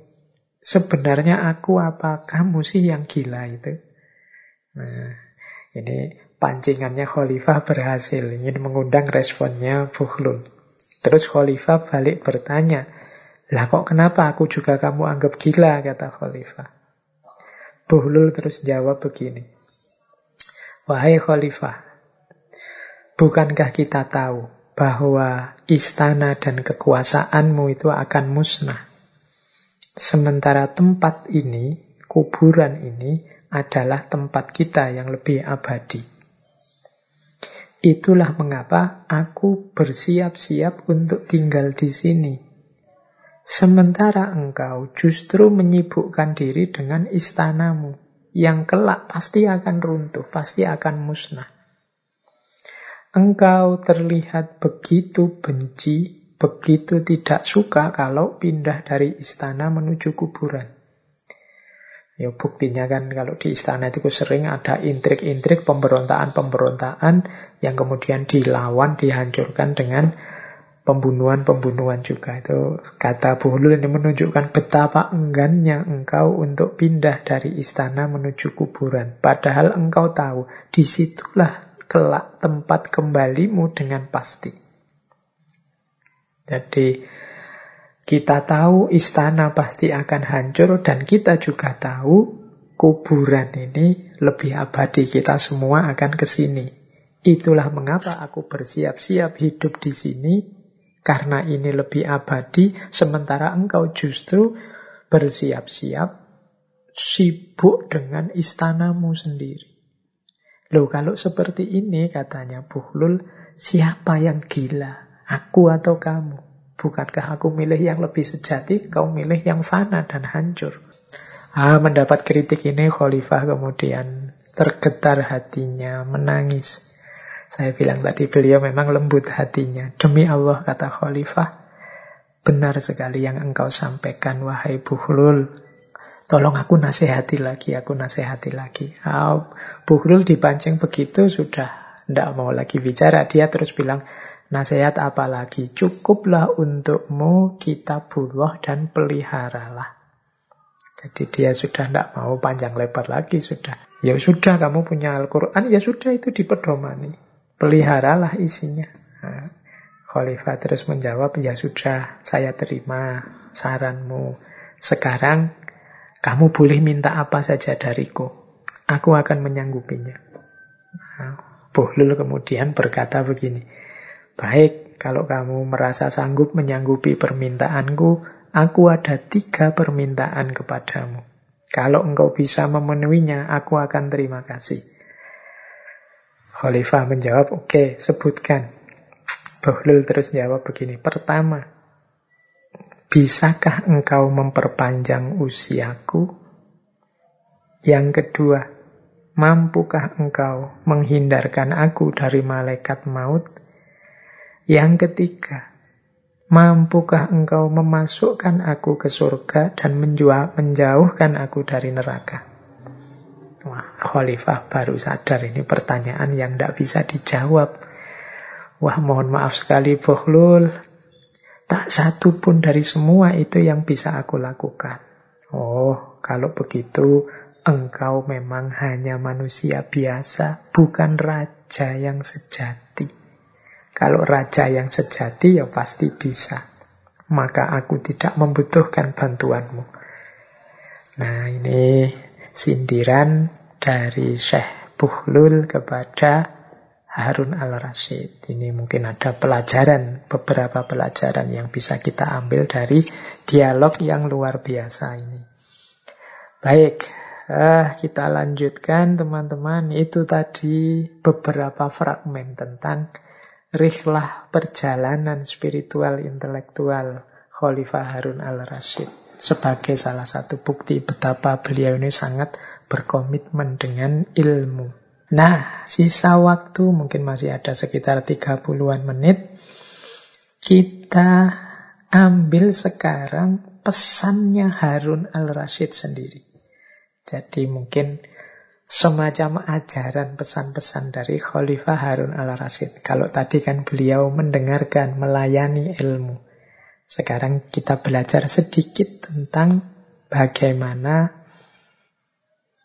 pesan-pesan beliau, wawasan-wawasan beliau sehubungan dengan ilmu. Yang pertama, kita belajar. Ini ada cerita Cerita ini bisa teman-teman lihat di kitab judulnya Al-Misk wal Ambar fi Khutobil Mimbar. Ini yang nulis Syekh Aid Al-Korni. Jadi ini kisah Harun al-Rashid dengan seorang laki-laki. Ini kalau bahasa saya, ini laki-laki dari pedalaman yang menurut saya ini sok pinter. Mendatangi Harun al-Rasyid dia sok bijaksana ingin memberi nasihat pada khalifah. Jadi satu ketika seorang laki-laki datang pada Harun al-Rasyid terus dia menghadap dan dia bilang, "Wahai Harun al-Rasyid, aku punya satu perkataan yang sangat keras dan kasar tentang engkau, maka dengarkanlah." Nah, ini ini gayanya orang yang mau mengkritik, kemudian wanti-wanti dulu. Ini biar engkau sadar, saya tak pakai kalimat yang kasar. Kalau tidak gitu engkau tidak sadar, saya akan pakai kalimat yang keras. Nah, mendengar orang ini bicara seperti itu, Harun al-Rasyid kemudian jawab, Demi Allah, aku tidak bersedia mendengarnya. Demi Allah, aku tidak bersedia mendengarnya. Demi Allah, aku tidak akan bersedia mendengarnya. Sampai tiga kali. Nah, laki-laki pedalaman itu terus melongo heran. Kok khalifah menolak? Padahal masyhur sekali khalifah ini mau mendengarkan pendapat, suara, nasihat dari siapa saja. Tapi kok sekarang menolak? Nah, Khalifah Harun al-Rasyid kemudian bicara lagi. Mengapa aku menolak? Karena Allah telah mengutus orang yang lebih baik darimu kepada orang yang lebih buruk dariku. Yang lebih baik darimu itu maksudnya Nabi Musa. Kepada orang yang lebih buruk dariku itu Fir'aun. Jadi ini nama lainnya Aku itu tidak lebih buruk dari Fir'aun. Sementara engkau tidak lebih baik dari Nabi Musa. Hubungannya apa? Kemudian Khalifah Harun al-Rasyid, ini loh ada surat Toha ayat 44. Allah memerintahkan Nabi Musa mengingatkan Fir'aun. Tapi tidak dengan keras dan kasar dan tidak sopan. Jadi surat Toha ayat 44 itu kan bunyinya fakula lahu qawlan layyinan la'allahu yatazakkaru au yahsha. Jadi Allah memerintahkan Nabi Musa dan Nabi Harun, maka berbicaralah kamu berdua kepadanya dengan kata-kata yang lembut. Mudah-mudahan ia ingat atau takut.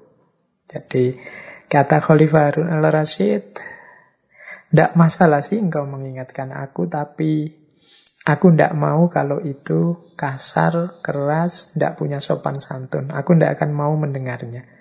Karena Allah mengutus Nabi Musa yang lebih baik darimu kepada Fir'aun yang lebih baik dari yang lebih buruk daripada aku. Aku kan tidak sejelek Fir'aun. Engkau juga tidak sebaik Nabi Musa. Itu pun Allah menyuruh untuk berbicara dengan kata-kata yang lembut. Tidak dengan kata-kata yang kasar. Kaulan lain, jadi kata-kata yang lembut. Kepada Fir'aun lo ini. Nah, jadi ini secara tidak langsung Khalifah Harun al-Rashid mengingatkan, iya menasehati oke, okay, mengkritik juga oke, okay, tapi kaulan lain dengan kata-kata yang lembut. Jangan dengan kata-kata yang keras atau kasar.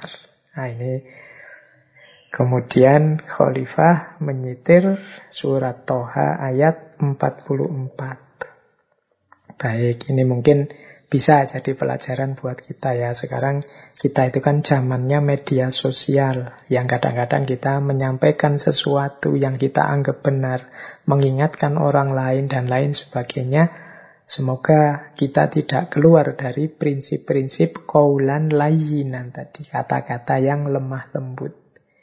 Dulu pernah kita bahas ya tentang etika komunikasi, bagaimana kita berkomunikasi dengan orang itu harus menggunakan kaulan sadida, kaulan karima, kaulan ma'rufa, kaulan baligo, termasuk kaulan layinan ini.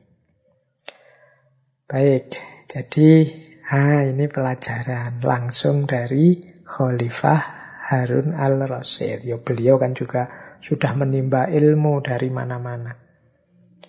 Selanjutnya kita ambil pelajaran lagi dari Khalifah Harun al-Rasyid tentang karakter guru dan murid. Jadi ini satu ketika Khalifah Harun al-Rasyid memberi pesan kepada salah seorang guru bagi putra beliau, yaitu Al-Amin, namanya Syekh Ahmar. Beliau menas, uh, memberi pesan kepada Syekh Ahmar begini. Kata Khalifah Harun al-Rashid, Wahai Ahmar, saat ini Amirul Mukminin telah memasrahkan kepadamu buah hatinya maka bukalah kedua tanganmu untuk menyambutnya, dan dia wajib menaatimu.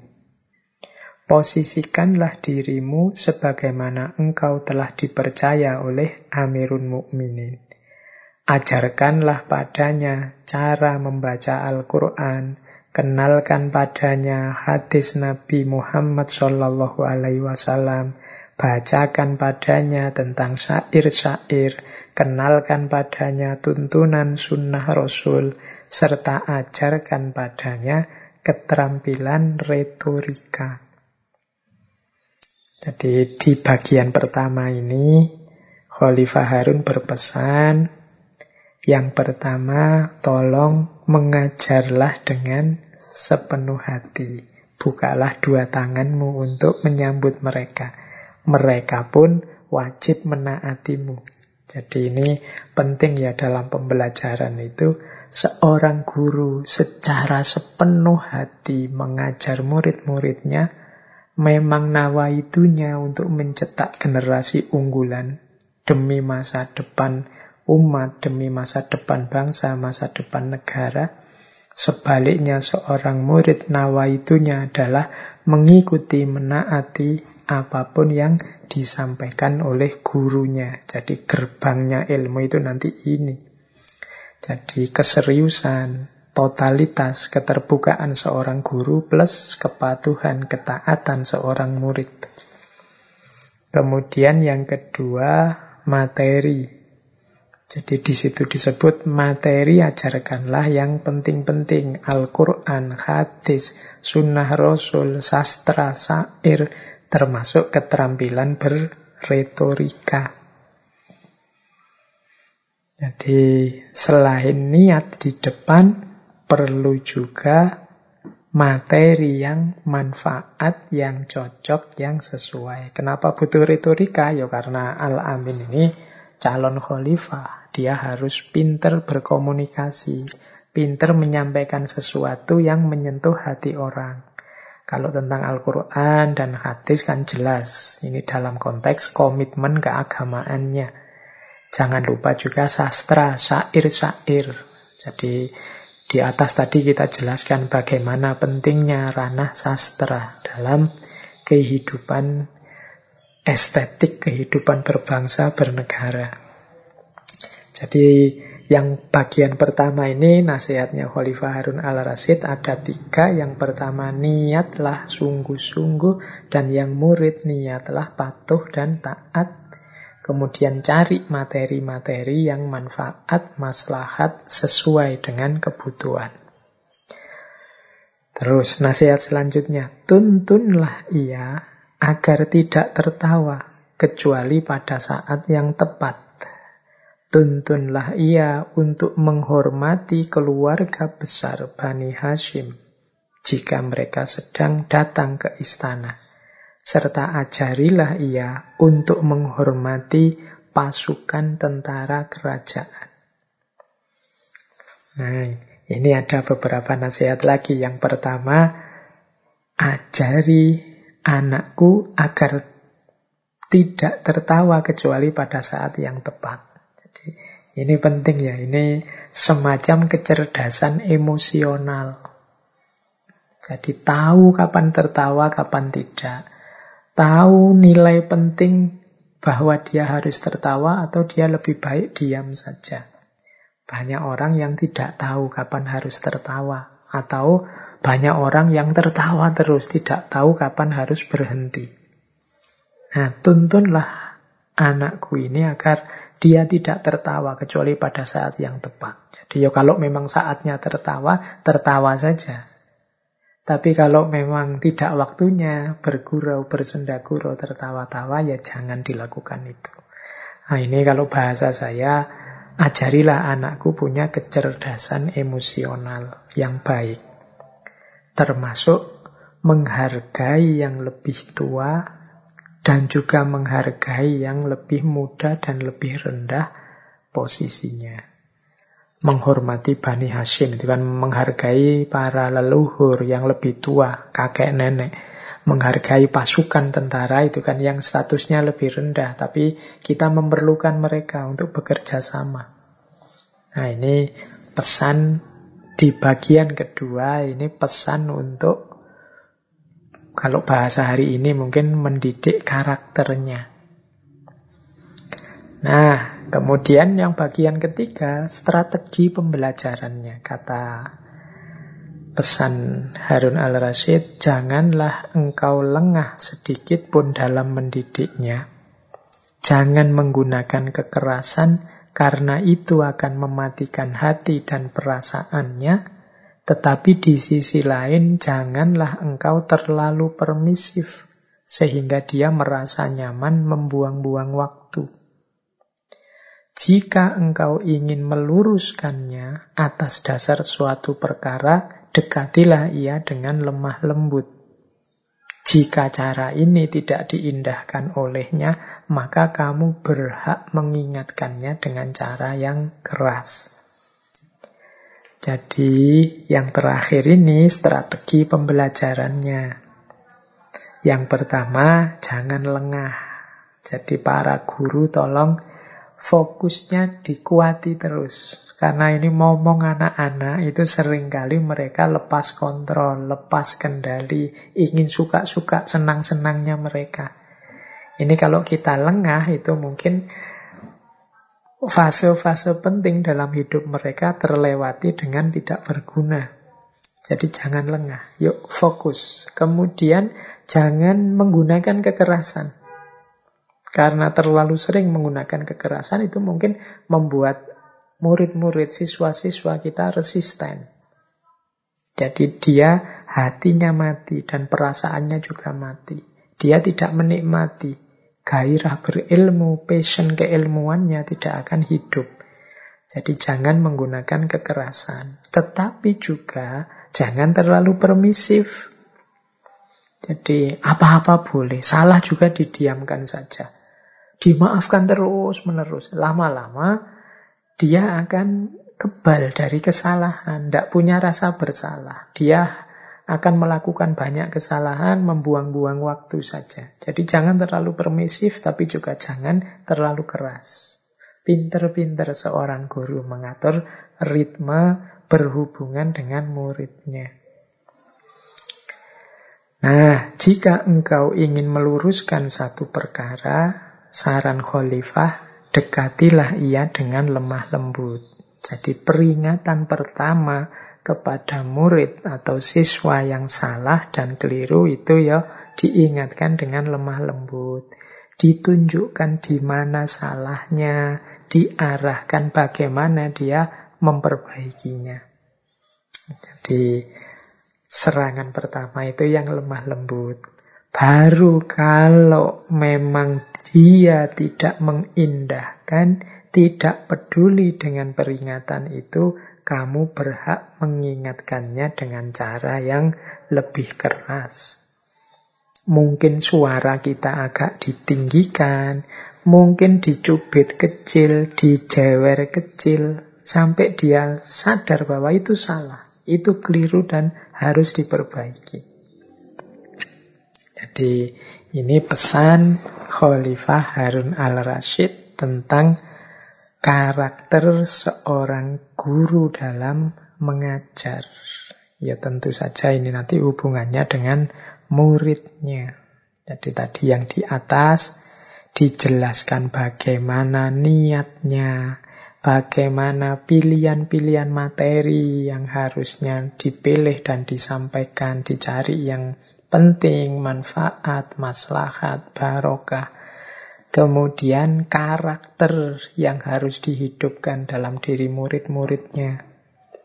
Kemudian bagaimana agar kita punya strategi pendekatan yang tepat dalam mengajar. Tidak terlalu keras, juga tidak terlalu permisif.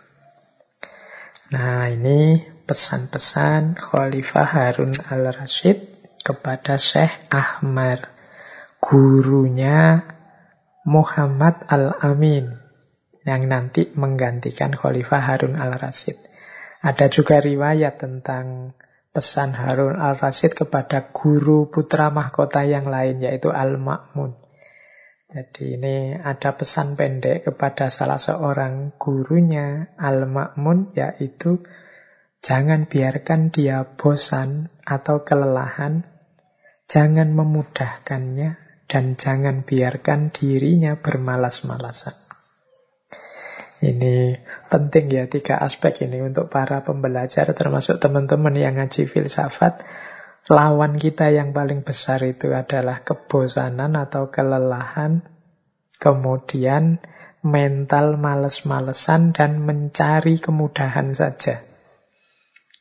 Pesan Khalifah Harun al-Rasyid ini mengingatkan agar para guru waspada terhadap hal-hal ini. Jangan biarkan kalau murid kita mengalami gejala ini. Jadi kelihatan bosan dengan pelajaran atau ingin nyari enaknya saja, mudahnya saja. Kalau diberi tugas ini nawar, diberi tugas itu nawar. Ya kalau tugasnya tidak berat, ya kualitas dirinya tidak tertempa dengan serius. Dan males-malesan. Males-malesan itu ya ingin rebahan terus. Maunya ndak ndak ada tugas saja, maunya santai-santai saja, enak-enak saja, nyaman-nyaman saja. Nah, ini akan jadi masalah nanti saat dia besar. Jadi mental pembosan, nyari enaknya saja, males melakukan sesuatu. Maka sangat dipesankan oleh Khalifah Harun al-Rashid, jangan biarkan dia bosan atau kelelahan, jangan memudahkannya, dan jangan biarkan dirinya bermalas-malasan. Oke, jadi ini pesan-pesan. Jadi penting juga sebagai wawasan kita yang sumbernya langsung dari Khalifah Harun al-Rashid. Masih ada waktu kita lanjutkan dengan beberapa kalimat bagus yang juga diajarkan oleh Khalifah Harun al-Rashid. Ada kalimat dari Khalifah seperti ini. Mungkin menarik untuk kita renungi maknanya. Kata beliau begini, An-nafsu tatma'u wal asbabu ajizatun. Wan nafsu tahlaku bainal yaksi watomai. Jiwa manusia itu betapa tamak. Padahal sarana-sarana atau sebab-sebabnya itu begitu lemah. Wan nafsu tahalaku bainal yaksi watomai. Pada akhirnya jiwa akan hancur antara keputusasaan dan ketamaan. Jadi ini mungkin hasil renungan beliau. Jiwa itu kan, diri kita itu kan selalu menuntut macam-macam. Ingin ini, ingin itu. Yang tidak ada berhentinya. Satu keinginan terpenuhi. Berkembang jadi keinginan yang lain. Terpenuhi, nambah lagi keinginan apa. Manusia itu tidak pernah kenal berhenti. Sudah. Yang kaya itu masih ingin nambah kekayaannya. Yang punya jabatan ingin lebih tinggi lagi, ingin lebih tinggi lagi, ingin lebih tinggi lagi. Nah itu nafas, dia selalu tomak. Selalu berharap menginginkan yang lebih lagi, lebih lagi. Itu kalau sindirannya Al-Quran kan Al-Hakumut takathur hatta surtumul makobir. Orang lupa, padahal al-asbabu ajizatun. Asbab sebab-sebab sarana-sarana daya kita yang jadi wasilah terpenuhinya keinginan kita itu ajizah. Ajizah itu lemah. Kita manusia ini kan tidak tanpa batas kekuatan dan daya kita. Wal asbabu ajizatun. Kita ini lemah. Orang sering tidak sadar batas kekuatannya, dia hanya memanjakan keinginan dan ketamaannya. Pada akhirnya jiwa manusia itu hancur kalau tidak karena keputusasaan bisa jadi juga karena ketamaan. Keputusasaan itu berarti ada keinginan yang tidak terpenuhi sehingga dia kecewa luar biasa, patah hatinya, runtuh dunianya, itu yas. Nah, kalau situasinya seperti ini ya jiwa hancur. Atau berhasil terus. Yang diinginkan sukses, yang diinginkan sukses. Lama-lama justru jiwa kita hancur karena apa? Ketamaan ini. Karena kita tidak kenal berhenti. Sehingga kesuksesan-kesuksesan kita yang susul menyusul terus-menerus pada akhirnya juga menghancurkan jiwa kita. Orang yang diburu-buru ketamaan itu kan orang yang tidak sempat menikmati hidupnya. Jadi dari target ke target, dari sasaran ke sasaran terus, tidak ada berhentinya sampai jiwanya hancur. Jadi Khalifah Harun al-Rashid menasehati kita hati-hati dengan ketamaan ketamaan itu sukses atau tidak sukses akan menghancurkan jiwa kita. Kalau dia sukses, yo kita akan hancur karena ketamaan itu. Kalau tidak sukses, kita akan hancur karena keputusasaan. Gara-gara keinginan kita tidak terpenuhi. Nah, ini menarik nasihat dari Khalifah Harun al-Rashid. Ada pula satu kalimat yang masyhur sekali dari beliau, Man syawaro kathuro sawabuhu. Barang siapa yang bermusyawarah, maka dia akan lebih banyak sowapnya, lebih banyak benarnya, tepatnya. Ini kesadaran sosial sekaligus kesadaran individual. Kesadaran individual itu berarti kesadaran bahwa kita itu lemah. Dalam banyak hal kita perlu dukungan orang, kita perlu bantuan orang untuk menemukan kebenaran. Dia juga kebijaksanaan secara sosial. Kita itu hidup bareng-bareng orang lain. Yang baik menurut kita itu kadang tidak cocok, tidak sesuai untuk orang lain. Sehingga satu-satunya jalan untuk tidak menyakiti, tidak berkonflik dengan orang lain, ya kita memperbanyak musyawarah. Nah, kalau kita banyak musyawarah, nanti lebih banyak tepatnya keputusan-keputusan kita. Banyak masalah kita hari ini yang mungkin bisa selesai kalau kita saling terbuka, duduk bersama, mencari solusi bersama. Daripada kukuh, kukuh ngeyel dengan kebenaran-kebenaran individual kita. Dengan proyeksi-proyeksi kita tentang kebenaran. Maka man syawaro kasuro sowabuhu. Dan yang terakhir ini saya bawa juga satu kalimat dari Khalifah Harun al-Rashid. Kata beliau begini, Aku tidak bangga dengan keberhasilan yang tidak aku rencanakan. Sebagaimana aku tidak akan menyesal atas kegagalan yang terjadi di ujung usaha yang maksimal. Jadi Khalifah Harun al-Rasyid di kata mutiara ini mengajarkan kita yang pertama, hidup ini jangan asal-asalan. Kita punya cita-cita, kita punya keinginan, kita punya tujuan. Mari kita rancang sebaik mungkin dan kita usahakan semaksimal mungkin. Kalau sudah kita usahakan semaksimal mungkin, kok gagal, ya ndak apa-apa. Kita tidak akan menyesal karena sudah sepenuh daya, ya memang itu batas kemampuanku. Jadi aku tidak akan menyesal atas kegagalan yang terjadi di ujung usaha yang maksimal. Tapi meskipun berhasil, tapi itu bukan karena usaha kita, bukan karena rencana dan rancangan kita. Kata Khalifah, aku tidak akan bangga sama sekali. Jadi tidak pantas kita bangga. Karena mungkin itu hanya kebetulan. Atau jangan-jangan itu ilusi kita sendiri. Ketertipuan kita dan lain sebagainya. Jadi porsinya manusia itu hanyalah berencana dan mengusahakan semaksimal mungkin. Dari situ nanti kita bisa berbangga kalau kita berhasil dan tidak akan menyesal seandainya gagal. Jadi ini penting nanti untuk kita renungi ya dalam hidup kita ini.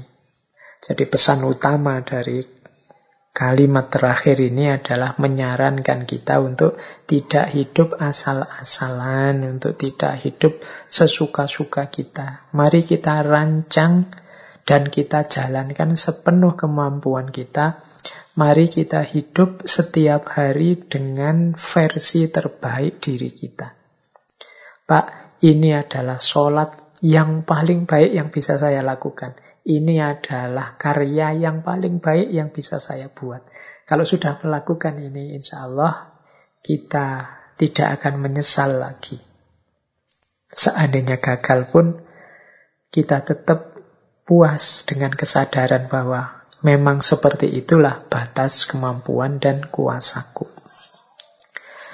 Baik, teman-teman, saya kira itu ya pengenalan kita, sedikit penjelajahan kita terhadap hidup seorang khalifah yang masyhur sekali di era puncak keemasan Islam. Tentu saja yang saya uraikan malam hari ini hanya memframe satu bagian, satu babak dari kehidupan Khalifah Harun al-Rashid bagian kecintaannya pada ilmu dan seputar itu. Jadi tidak masuk ke mana-mana. Dan nanti Khalifah Harun al-Rashid ini meninggal tahun 193 Hijriah dan beliau ini meninggal masih di usia sangat muda. Bahkan lebih muda dari saya. Beliau meninggal usia 44 tahun. Jadi sebelum beliau meninggal itu beliau sedang berangkat ke Khurasan untuk menumpas pemberontakan.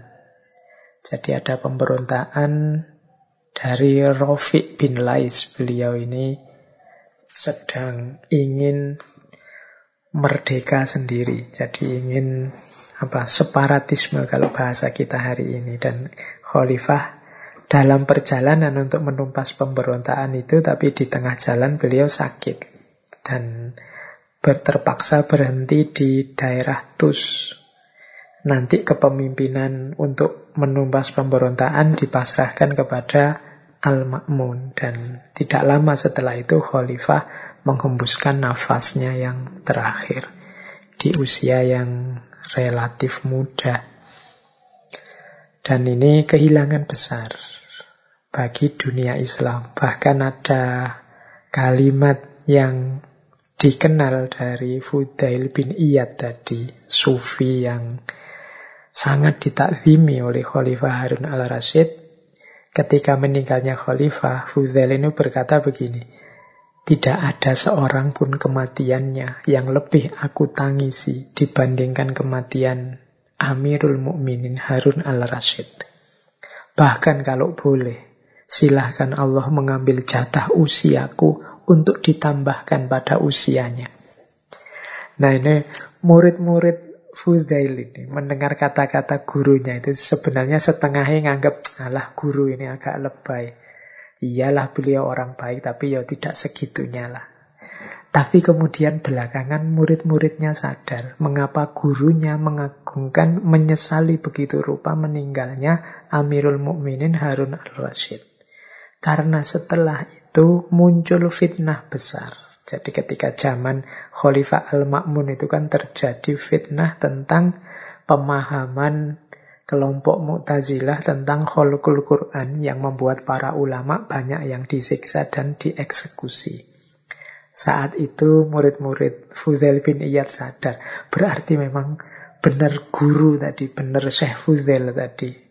Eman-eman sekali meninggalnya Khalifah Harun al-Rashid ini. Karena setelah itu muncul banyak fitnah-fitnah. Ini mungkin salah satu karomahnya seorang wali karena beliau bisa mengetahui berita-berita dari masa depan. Sehingga beliau sampai bilang kalau boleh jatah umurku biar diambil. Diberikan kepada beliau, Khalifah Harun al-Rashid. Baik, teman-teman. Saya kira malam hari ini kajian bisa kita cukupkan dulu. Ya seperti saya bilang di awal tadi ya, bulan ini mungkin kita tidak terlalu berat pembahasannya. Yang berat itu bagaimana cara kita meneladaninya. Paling tidak kita punya referensi-referensi seandainya satu ketika ada yang bisa diambil, dijadikan hikmah dan manfaat untuk kehidupan kita. Silahkan diambil yang cocok dan yang sesuai dan kalau memang ada yang keliru, salah, tidak sesuai, boleh memberi saya feedback atau tinggalkan saja. Saya bahkan lebih suka kalau di antara teman-teman ini yang tertarik dengan wacana-wacana ini, silahkan digali, diperdalam lagi. Saya sering bilang ngaji kita ini semacam hanya pancingan, provokasi saja untuk membuat teman-teman semakin cinta dengan ilmu, semakin bersemangat untuk berpikir, menganalisis secara filosofis. Baik teman-teman, saya kira itu kurang lebihnya mohon maaf. Wallahul muwafiq, wallahu a'lam bisawab. Wassalamualaikum warahmatullahi wabarakatuh.